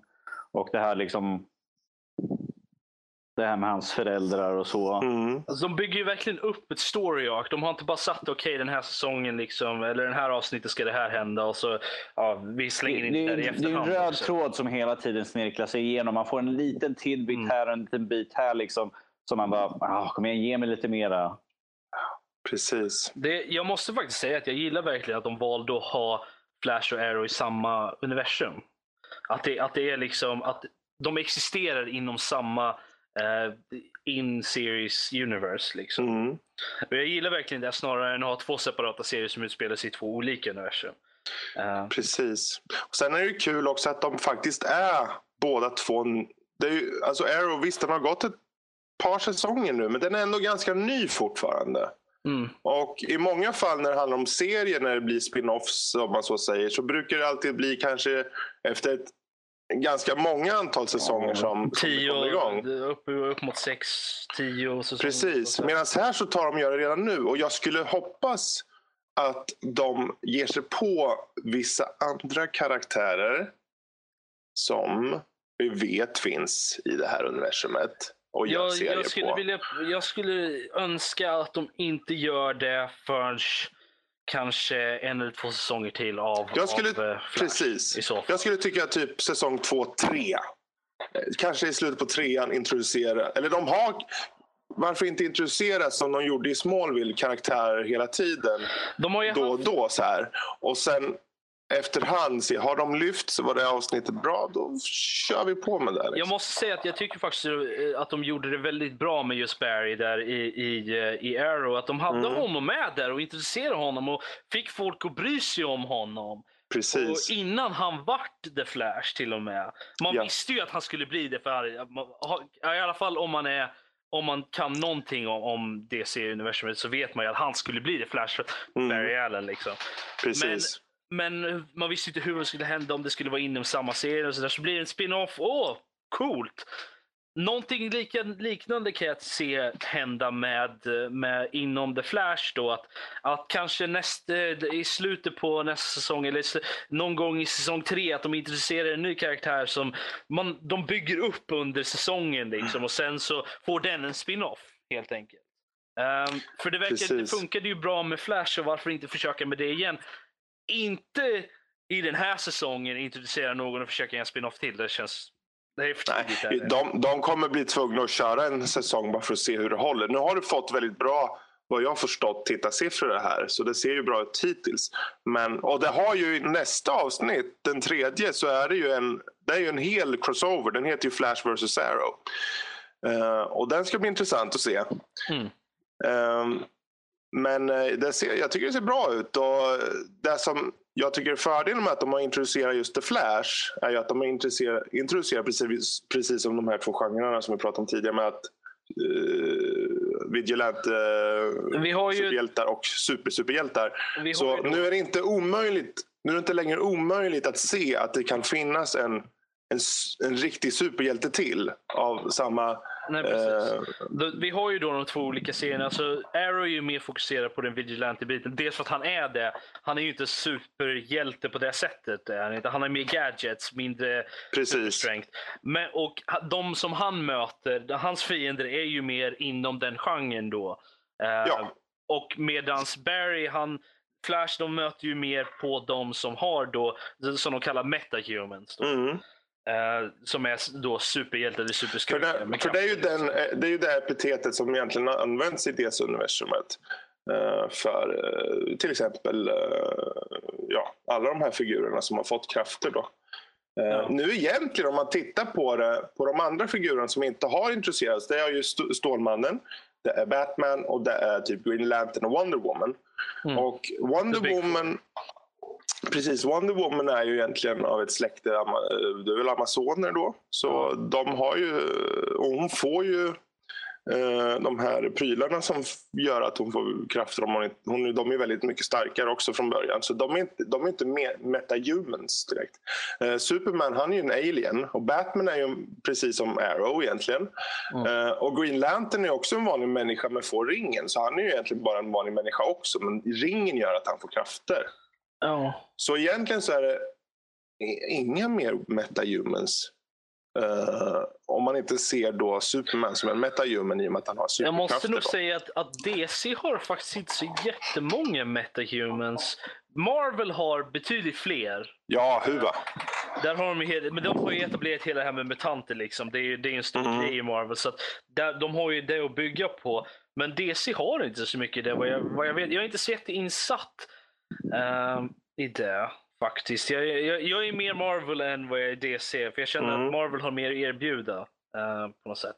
Alltså, DC har många superhjältar men alla är inte så jätteintressanta. Um, det är ju the big five. liksom. Alltså, ja. The Flash, fram, Superman, Batman, Wonder Woman och uh, Green Lantern som är deras mm. största i princip. Sen har du de här Hawkman och du har Hawkgirl och du har Martian Manhunter och du, ja, vad nu alla heter. Du har, ja, men Konstantin är ju en del av DC. Ja, precis. Vilket är en bra segway.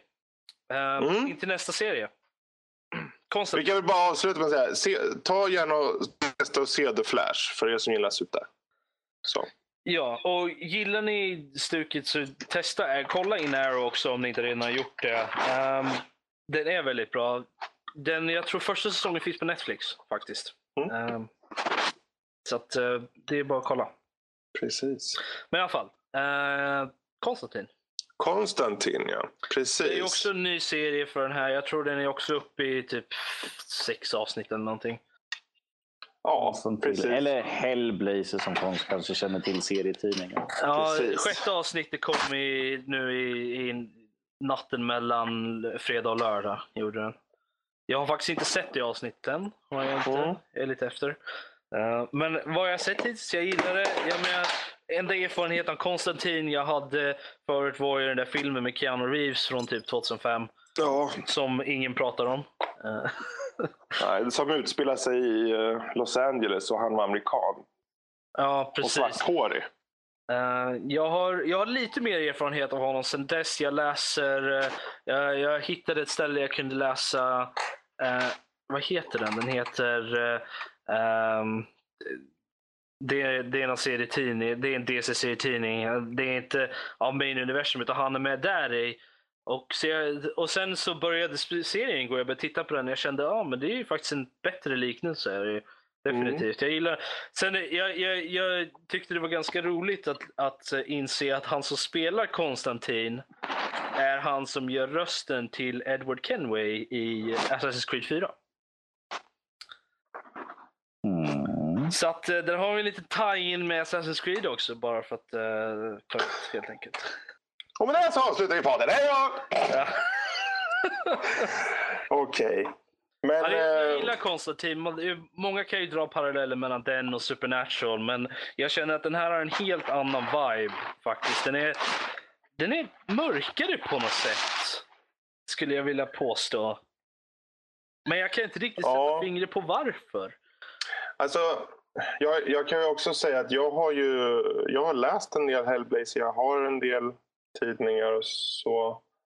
Och I digital form och sen har jag en riktig. Eh, men eh, Konstantin tycker jag är intressant för det är det okulta och det är helt enkelt det är eh, demoner och änglar typ. Och exorcism och allt sånt. Och framförallt så är det ett fokus på Konstantin själv som och det här är egentligen premissen då kan man säga. Det, det, jag vet inte om, det kan inte direkt ses som en spoiler att säga att han egentligen har förlorat sin själ kan man väl säga. På det sättet att han, eh, ja, han har inte mycket att gå för i livet. Han har förlorat sin själ. Han, kommer, han vet att han kommer åka åt helvete rent bokstavligen. Och eh, under tiden så vill han ju ge tillbaka även om man kanske inte tror att han kommer få komma till himlen så att säga för det. Uh, och i serietidningen så är han ju väldigt mörk. Det är en väldigt mörk ton och de första avsnitten på, på den här serien har varit ganska så...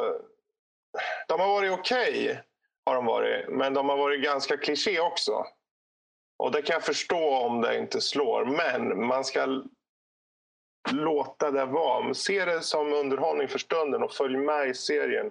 Det kommer byggas upp betydligt mer eh, med Chas och uh, den här nya karaktären Zed. Tror jag.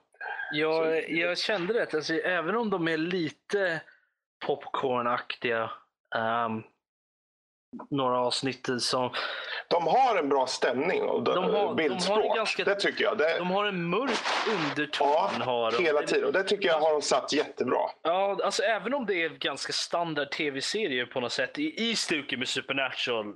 Eh, eh, och inte ens tidigare Supernatural, utan senare Supernatural. Um, så, så känner jag att det, det, är en mörk underton i den hela.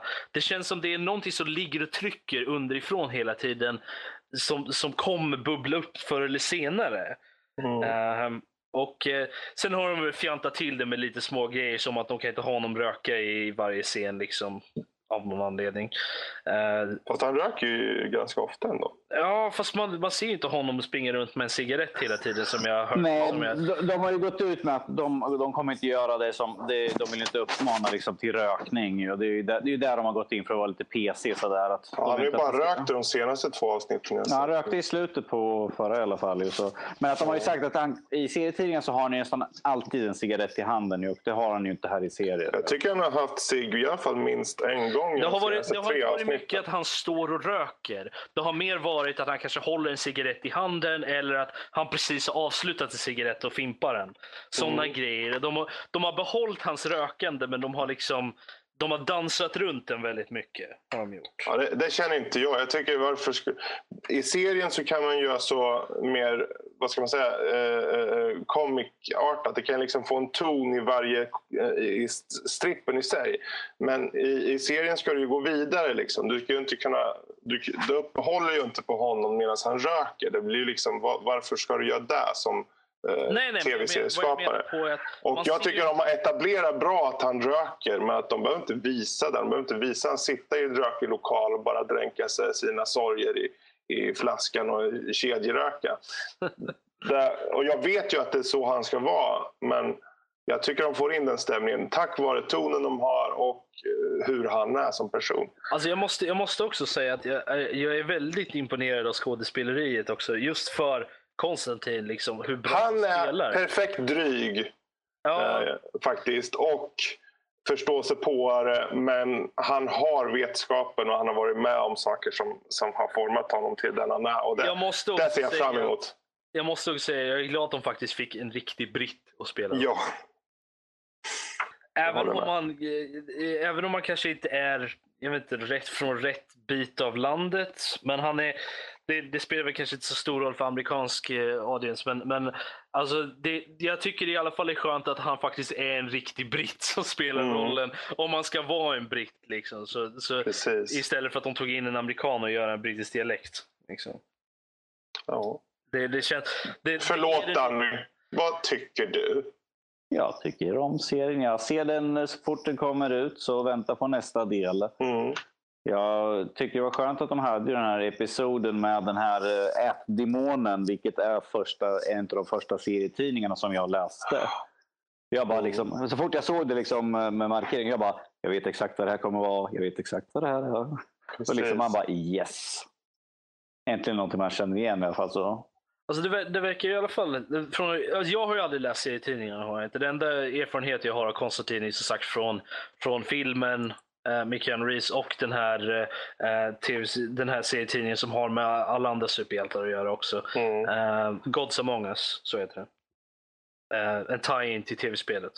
Eh, okay. men, men i alla fall, där är han ju med. Så det, det är den erfarenheten jag har av Konstantin och det jag har läst efterhand också.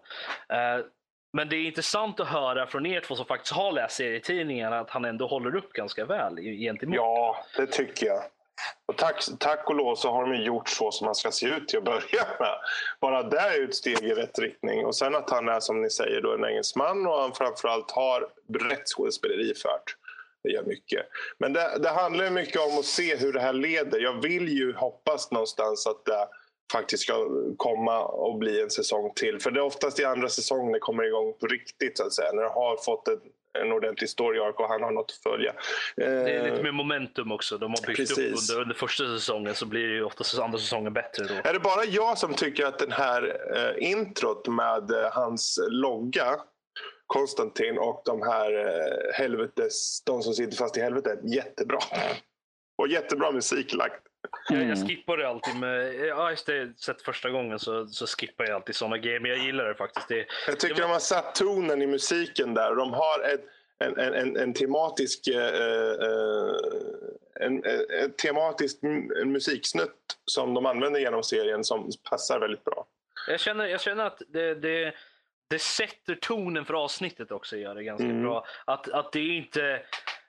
Det, det sätter den här, den här lite sinister, liksom att allt lite mer bleak. Eh, att, det- att det inte är eh, rosor och grönt och fint och änglar och allt sånt där. Utan det det är mer demoner, hemska saker. Och, Även om en och annan ängel slinker in. Ja, fast han verkar inte vara så änglaktig direkt skulle jag inte vilja påstå. Ja. Men jag måste säga att de skådespelare de har fått i alla fall att vara med har, har varit, gjort bra insatser. Stories som har varit hittills av avsnitten har varit väldigt intressanta och bra. Och jag, jag ser fram emot att se vidare. Ja, ja. Vi Ja, om- kanske inte sagt något om vad faktiskt Konstantin handlar om. Jag känner Eller? att det behövs nog inte egentligen på det sättet. Det är, jag, jag, har, jag har ju redan dragit en parallell mellan det och Supernatural så att det är lite mer, och vi pratar om okult och sådana grejer. Så Ja. det, det är lite det. Är det. Jag tror inte, första avsnittet sätter upp ganska bra vad det kommer handla om. Så att, Ja. ja. Eh, liksom, eh, det är en eh, lite så här conman-liknande snubbe som heter John Konstantin som försöker som, så gott han kan kämpa mot sina tidigare synder genom att liksom, skydda mänskligheten från eh, ett övernaturligt hot som komma skall. Så. Ehm, men eh, då, kan, då kan vi ju ta upp också att vi får ju se hur det blir med fortsättningen. eftersom ja, NBC har ju liksom av, eh, satt en cap på alltså en, att det blir bara 13 episoder för första, de, för första säsongen. Och sen har det inte blivit någonting mer sagt utan den ligger som sagt i limbo just nu ifall det blir en fortsättning, ifall det inte blir en fortsättning. när är de brukar utan- utannonsera mm, nya säsonger.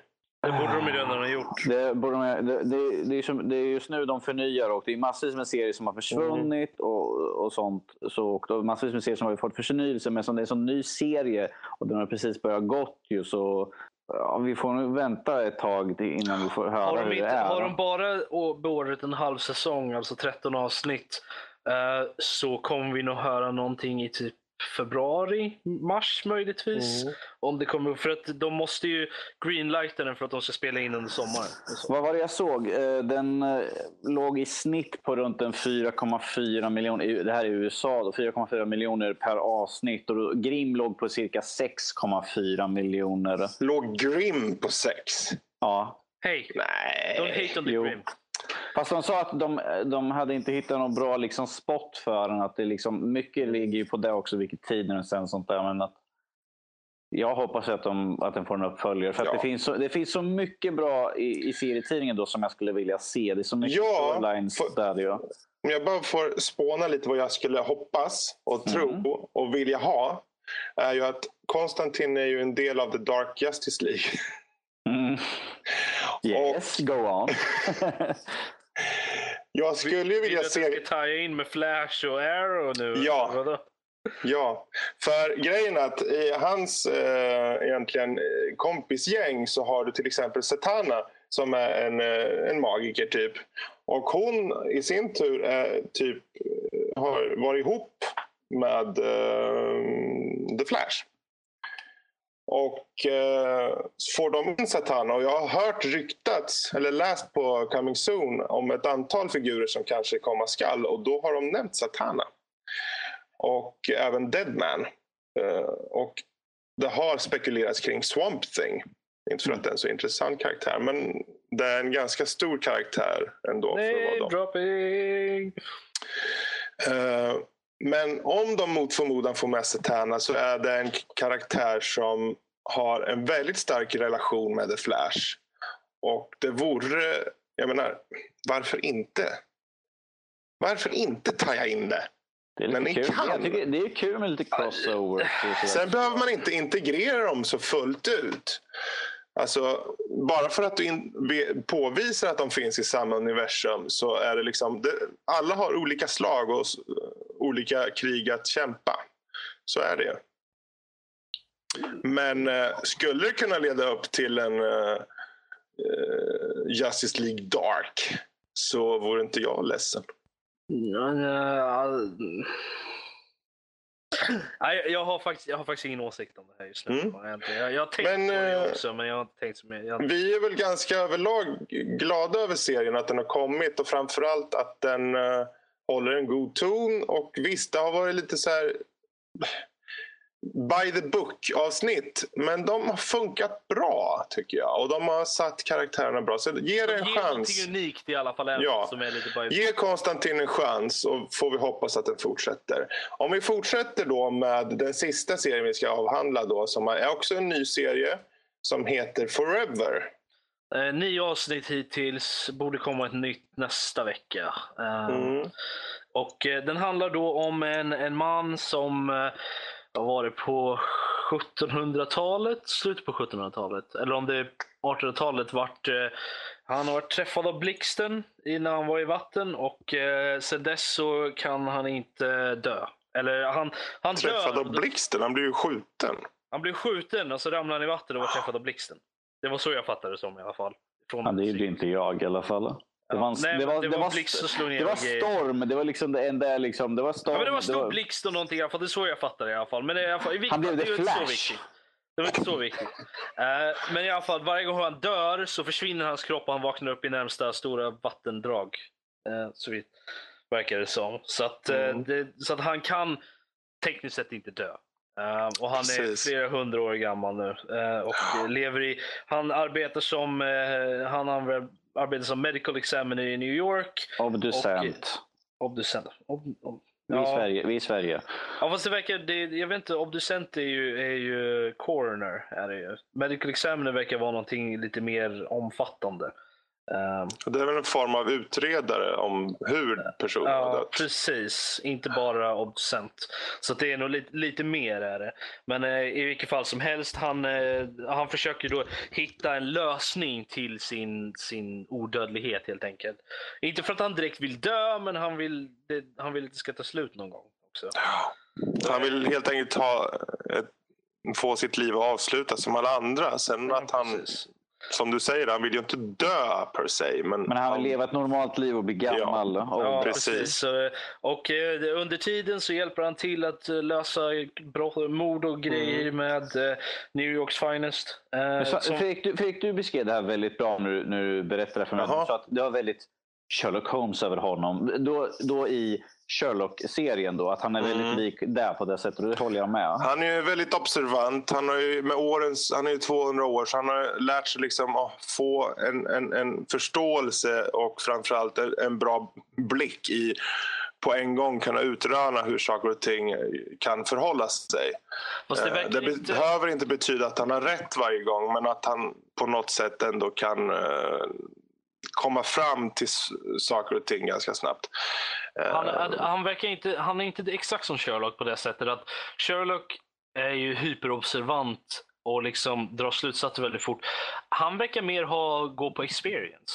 Eh, att Mm. han, har, han har varit ja, men det är precis det jag sa i princip. Ja, men det, det, det är lite skillnad. Och, men samtidigt, gillar man Sherlock så kommer man att gilla honom också. Ja, men det är som vi sa, han har ju drag av Sherlock på det sättet Ja. med observationstekniken. Men han är ju absolut inte Sherlock. Han är ju en... eh, han är förvisso ganska dryg. Och. Ehm, Fast inte på samma sätt. Det. Nej, Han är lite men mer... han är lite piffig och sådär. Och jag tycker framförallt att skådespelarvalet de har gjort. Först när jag såg bara trailern tänkte jag, hmm, ja, han passar han eller inte? Men eh, Johan Grufford som han heter, som, som ni kanske känner igen sen tidigare. Han har varit med i, i Master and Commander och Han var framförallt i- i Fantastiska spelade fyran. Ja. Han Eh, är med i King Arthur också spelade Lancelot. Ja, men den sög så mycket så ingen kommer Det ihåg gjorde inte den. alls det. Tyst nu. Jo, den sög bajsballe. Eh, och den här serien däremot, den gör inte det. Jag tycker den håller en ganska eh, bra ton genom alla avsnitt som jag sett hittills. Utö utöver veckans mord um, så har Mm. den ju en röd tråd igenom. De utforskar olika aspekter av hans odödlighet, hur han interagerar med, med Abe till exempel som är hans, hans eh, Posterson. ja, fast Spoiler. det där var en riktigt ganska stor spoiler. För det, Don't care, det får de reda på ganska snabbt. Jag, Ja, i jag, listade ut det ganska snabbt. Jag, jag listade ut det på direkten. Jo, jo, men det, det är någon sån reveal. Är det ju, så det, det Äh. kände, men i alla fall, han är, han är den enda som vet om att han är odödlig. Så att, eh, så att interaktionen mellan de två är ganska rolig. Skådespelarvalet för Abe är också väldigt bra. Ja. Och eh, jag, alltså jag gillar hon, jag kommer inte ihåg vad hon heter nu, hon detektiven. Men, Hon tycker jag är lite svag, men... eh, men tror- hon, hon, var, hon var svagare i början. Hon har byggt upp betydligt mycket mer eh, under, under episodens gång i alla fall. Så att, eh, jag tror att hon är en sådär som börjar svagt men blir bättre. mm. eh, ju, mer hon liksom, ju mer hon får vara med helt enkelt. Eh, Precis. och alla supporting characters också tycker jag är ganska bra. Jag gillar eh, hans eh, eh, assistant också, eller Mm. som, som jobbar, eh, jobbar med honom. Och eh, hennes, eh, hennes partner, eller vad han, är- han, den andra detektiven som också är med. Han är ganska rolig också tycker jag. Mm. Jag tyckte det var kul när jag såg hans assistent. Jag bara, men det är ju han från Bones. ju. Ja, precis. Jag tänkte jag det, bara, var det samma roll typ? Jag bara, han har fastnat i ett fack kände jag då. fast, fast karaktären var ganska olik ändå. Fast ändå inom samma han, var nisch. inte lika, han var inte lika deprimerad. Det här är mer liksom, kom igen häng med ut och vi gör någonting tillsammans. Ja, Nej, då. är mer optimistisk. Han är, han, hans personlighet är, är tvärt emot hur han är i Bones. Men resten är samma sak. Typ. Mm. Typecasts. So early.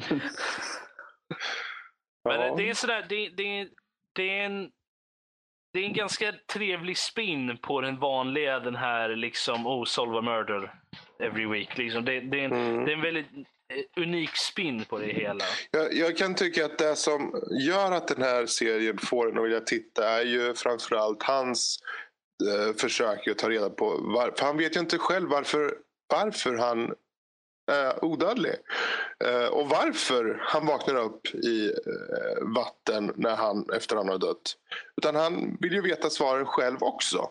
Ja. Eh, själva fallen och så, det, eh, det är ju ganska slentrian för mig. Jag känner inte, det har en, visst det kan vara lite kul i vissa avsnitt och andra så bryr jag mig inte. Jag, jag, gillar Ehm. dem som, jag gillade den som var på det förra avsnittet, eller för, förra avsnittet, den som hade med Jack the Ripper att göra.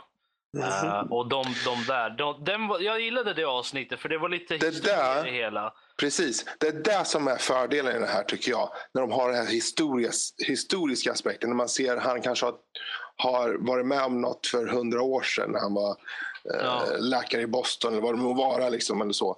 Ja, De jag, avsnitten tycker jag jag mycket om. gillar ändå, alltså det, det är en sån här grej som, som är ganska vanlig i, i, i historier där en karaktär har levt länge.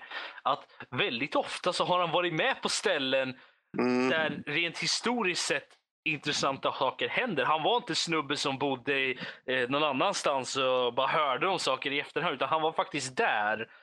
Eh, han har ju en anledning eftersom han är läkare. Så att han var ju liksom... Fast, ja, och sen så, nu har inte jag, nu har han inte varit med i några så här jättestora händelser riktigt. Utan den som jag tyckte var kul eller eh, intressant var Jack till exempel ganska stor grej. Jo, jo, men jag tänker mer på andra avsnitt till exempel när han var i, jag vet inte om det var också New York, när han liksom kände igen gatan som han besökte för det var en brottsplats. Mm. Som att han hade bott där, eller varit besökt där för hundra år sedan. Liksom, och man åkte tillbaka och såg liksom hur det var då. Och det är liksom ingen känd period eller någon särskild karaktär som är känd för den tiden. Utan det är bara liksom, man får se hur världen var på den tiden och hur det liksom sköttes rent Den, medicinskt. den historiska Flashback-aspekten gillar jag väldigt mycket. Mm. Ehm, det är något som jag alltid tyckt om eh, när det kommer till sådana karaktärer. Att de har ju så mycket historia bakom sig eh, under, under de hundra år som de har levt. Att, man- och och väldigt ofta får man, som Highlander till exempel, man får se väldigt lite av det eh, av honom, även fast han har levt i flera hundra år. Eh, fokuserar bara på nutiden och här har de gjort det väldigt bra att de faktiskt Mm. i varje avsnitt slänger in de här flashbacksen. De är ju väldigt ofta relevanta till det som händer Precis. i just avsnittet. Men inte alltid. Ibland så är det ju bara en liksom slice of memories bara Mm. från, av, av saker som fortkommer under hela serien. Ja. Nej men överlag så just den här eh, röda tråden med hans letande efter eh, varför den här eh, inom situationstecken eh, förbannelsen om, om varför han har en eh, evigt liv eh, och tillbakablickar mot svunna tider gör att man håller intresset uppe. Jag hoppas att den inte faller in i veckans serie Mördarfack typ eller något så här eh, blir slentrian utan att de fortsätter med det här. De Och ju låt, och låt det framförallt ta lång tid innan hon vet att han är odödlig. Låt det inte Ja. bli under första säsongen. Jag vill inte se det. Nej, i det här fallet, menar, i, många, i många serier när det är så att de har en stor hemlighet och sådana grejer, så känner jag att okej, men den som är närmast dem borde ju faktiskt veta tycker jag. Som i, i Grim till exempel. Det tog ju honom, eh, vad är det, en halv säsong innan han berättade för sin partner liksom. mm, Och jag bara, okej, men varför gjorde han inte det typ under första säsongen? Det kändes väldigt onödigt att gå runt i det hela. Men i det här fallet så känner jag faktiskt att det är nog bättre ju längre hon inte vet. ja, Eh, för jag tycker det, det gör det lite mer intressant. Men sen till slut så måste hon ju få veta. ja, alltså det kommer ju hända förr eller senare. Ja, Det kan man ju räkna ut. Liksom. Det är ju ja. så. Alltså jag, jag är helt okej om det händer i sista avsnittet på första säsongen. Det kan, Det kan då ju vara en cliffhanger Då förstås. har du ju en bra cliffhanger till nästa säsong i så fall. Precis. Där kan jag se det, men inte släng inte in det i nästa avsnitt. Eh, Mitt i säsongen bara. Det går inte. Det, det måste vara så sent som möjligt. Mm. Eh, och, och det, det kan jag vara. Och jag, måste, och jag säger det, det är inte en nördig serie på det sättet som Flash och, och, och, eh, Precis. och Konstantin är. Men där, däremot så känner jag att den har någonting extra. Har den. Och gillar man de här mördarserierna, så gillar man Castle till exempel, eh, så skulle jag definitivt rekommendera den här serien. Mm. Eh, är man mer för sådana serier som CSI så jag vet inte riktigt, man kanske är lite fast. Du kan ju testa i alla fall. Den är, den är helt okej. Precis. Men jag tycker dramat håller ganska bra också faktiskt. Ja, dit. alltså hela tension Ehm. som finns i, som ligger över avsnitten är väldigt bra tycker jag. Mm. Så där... Ja, det, det är en skön ny take på en serie. Det är skönt att se lite nya. Inte allting behöver vara eh, en ny eh, The Flash eller vad det nu vara. Eh, Mm. Ja, men jag, kan, ju- jag kan bara säga liksom att jag, nej, jag, jag fick reda på den ganska sent. Det hade kommit redan sex avsnitt när jag Mm. började titta. Och, och jag såg alla sex avsnitten i stort sett i sträck. För att jag, kunde, jag kunde inte sluta titta. Kunde jag. Såg, jag såg ju trailer på den här för jag vet inte, kanske var i somras tror jag. Eh, och tänkte här, det här ser jag fram emot, det vill jag se. Och sen tog det så lång tid så jag hade nästan glömt bort den lite när den kom. Men jag hade den redan sparat så jag tog och laddade ner första avsnittet hur fort det kom. Och det var mycket riktigt väl, eh, ja det var intressant faktiskt. Ehm, så mm, ja, det är väl en rekommendation för, från vår sida att faktiskt se den här serien. Är Forever. Så Ja, och ni kan ju låta, ni kan ju tala om för oss vad ni tycker om serierna också. Och eh, allt sånt där. Det är bara att eh, säga hej till oss på Facebook-sidan. Mm. Eh, Nördliv. Eh, Precis, bara sök på Nördliv på Facebook. Alternativt så kan ni slänga iväg ett e-mail på nordliv.hotmail.com. Eh, och ni kan självklart eh, i fortsättningen ta och poppa in på Twitch och det bara twitch.tv eh, nordliv. Vi Eh, annonserar alltid vi kom- ut innan på Facebook innan vi kommer, Precis. innan vi går live. Så att, eh, Det kommer eh, och det är annonseras. oftast eh, lördagar mellan 8 och 10 försöker vi hålla det. Nu har det lite sent den här veckan. Men... Ja. Ehm, så det är väl egentligen hur det ser ut. Vi har som sagt nästa veckas spel är eh, Metro 2033. Ni är jättevälkomna att köra det också och dela med er av eh, vad ni tycker och tänker om det. Och mejla oss eller skriv i vår eh, Facebookgrupp. Gå med, gilla och lyssna. Så avslutar vi för idag. Och, ni, kan, ni kan också tala om för oss vad ni tycker om eh, ljusaben i eh, Star Trailer. Precis. Avslutningsvis, eh, ha det gott. Vi hörs. Puss hej.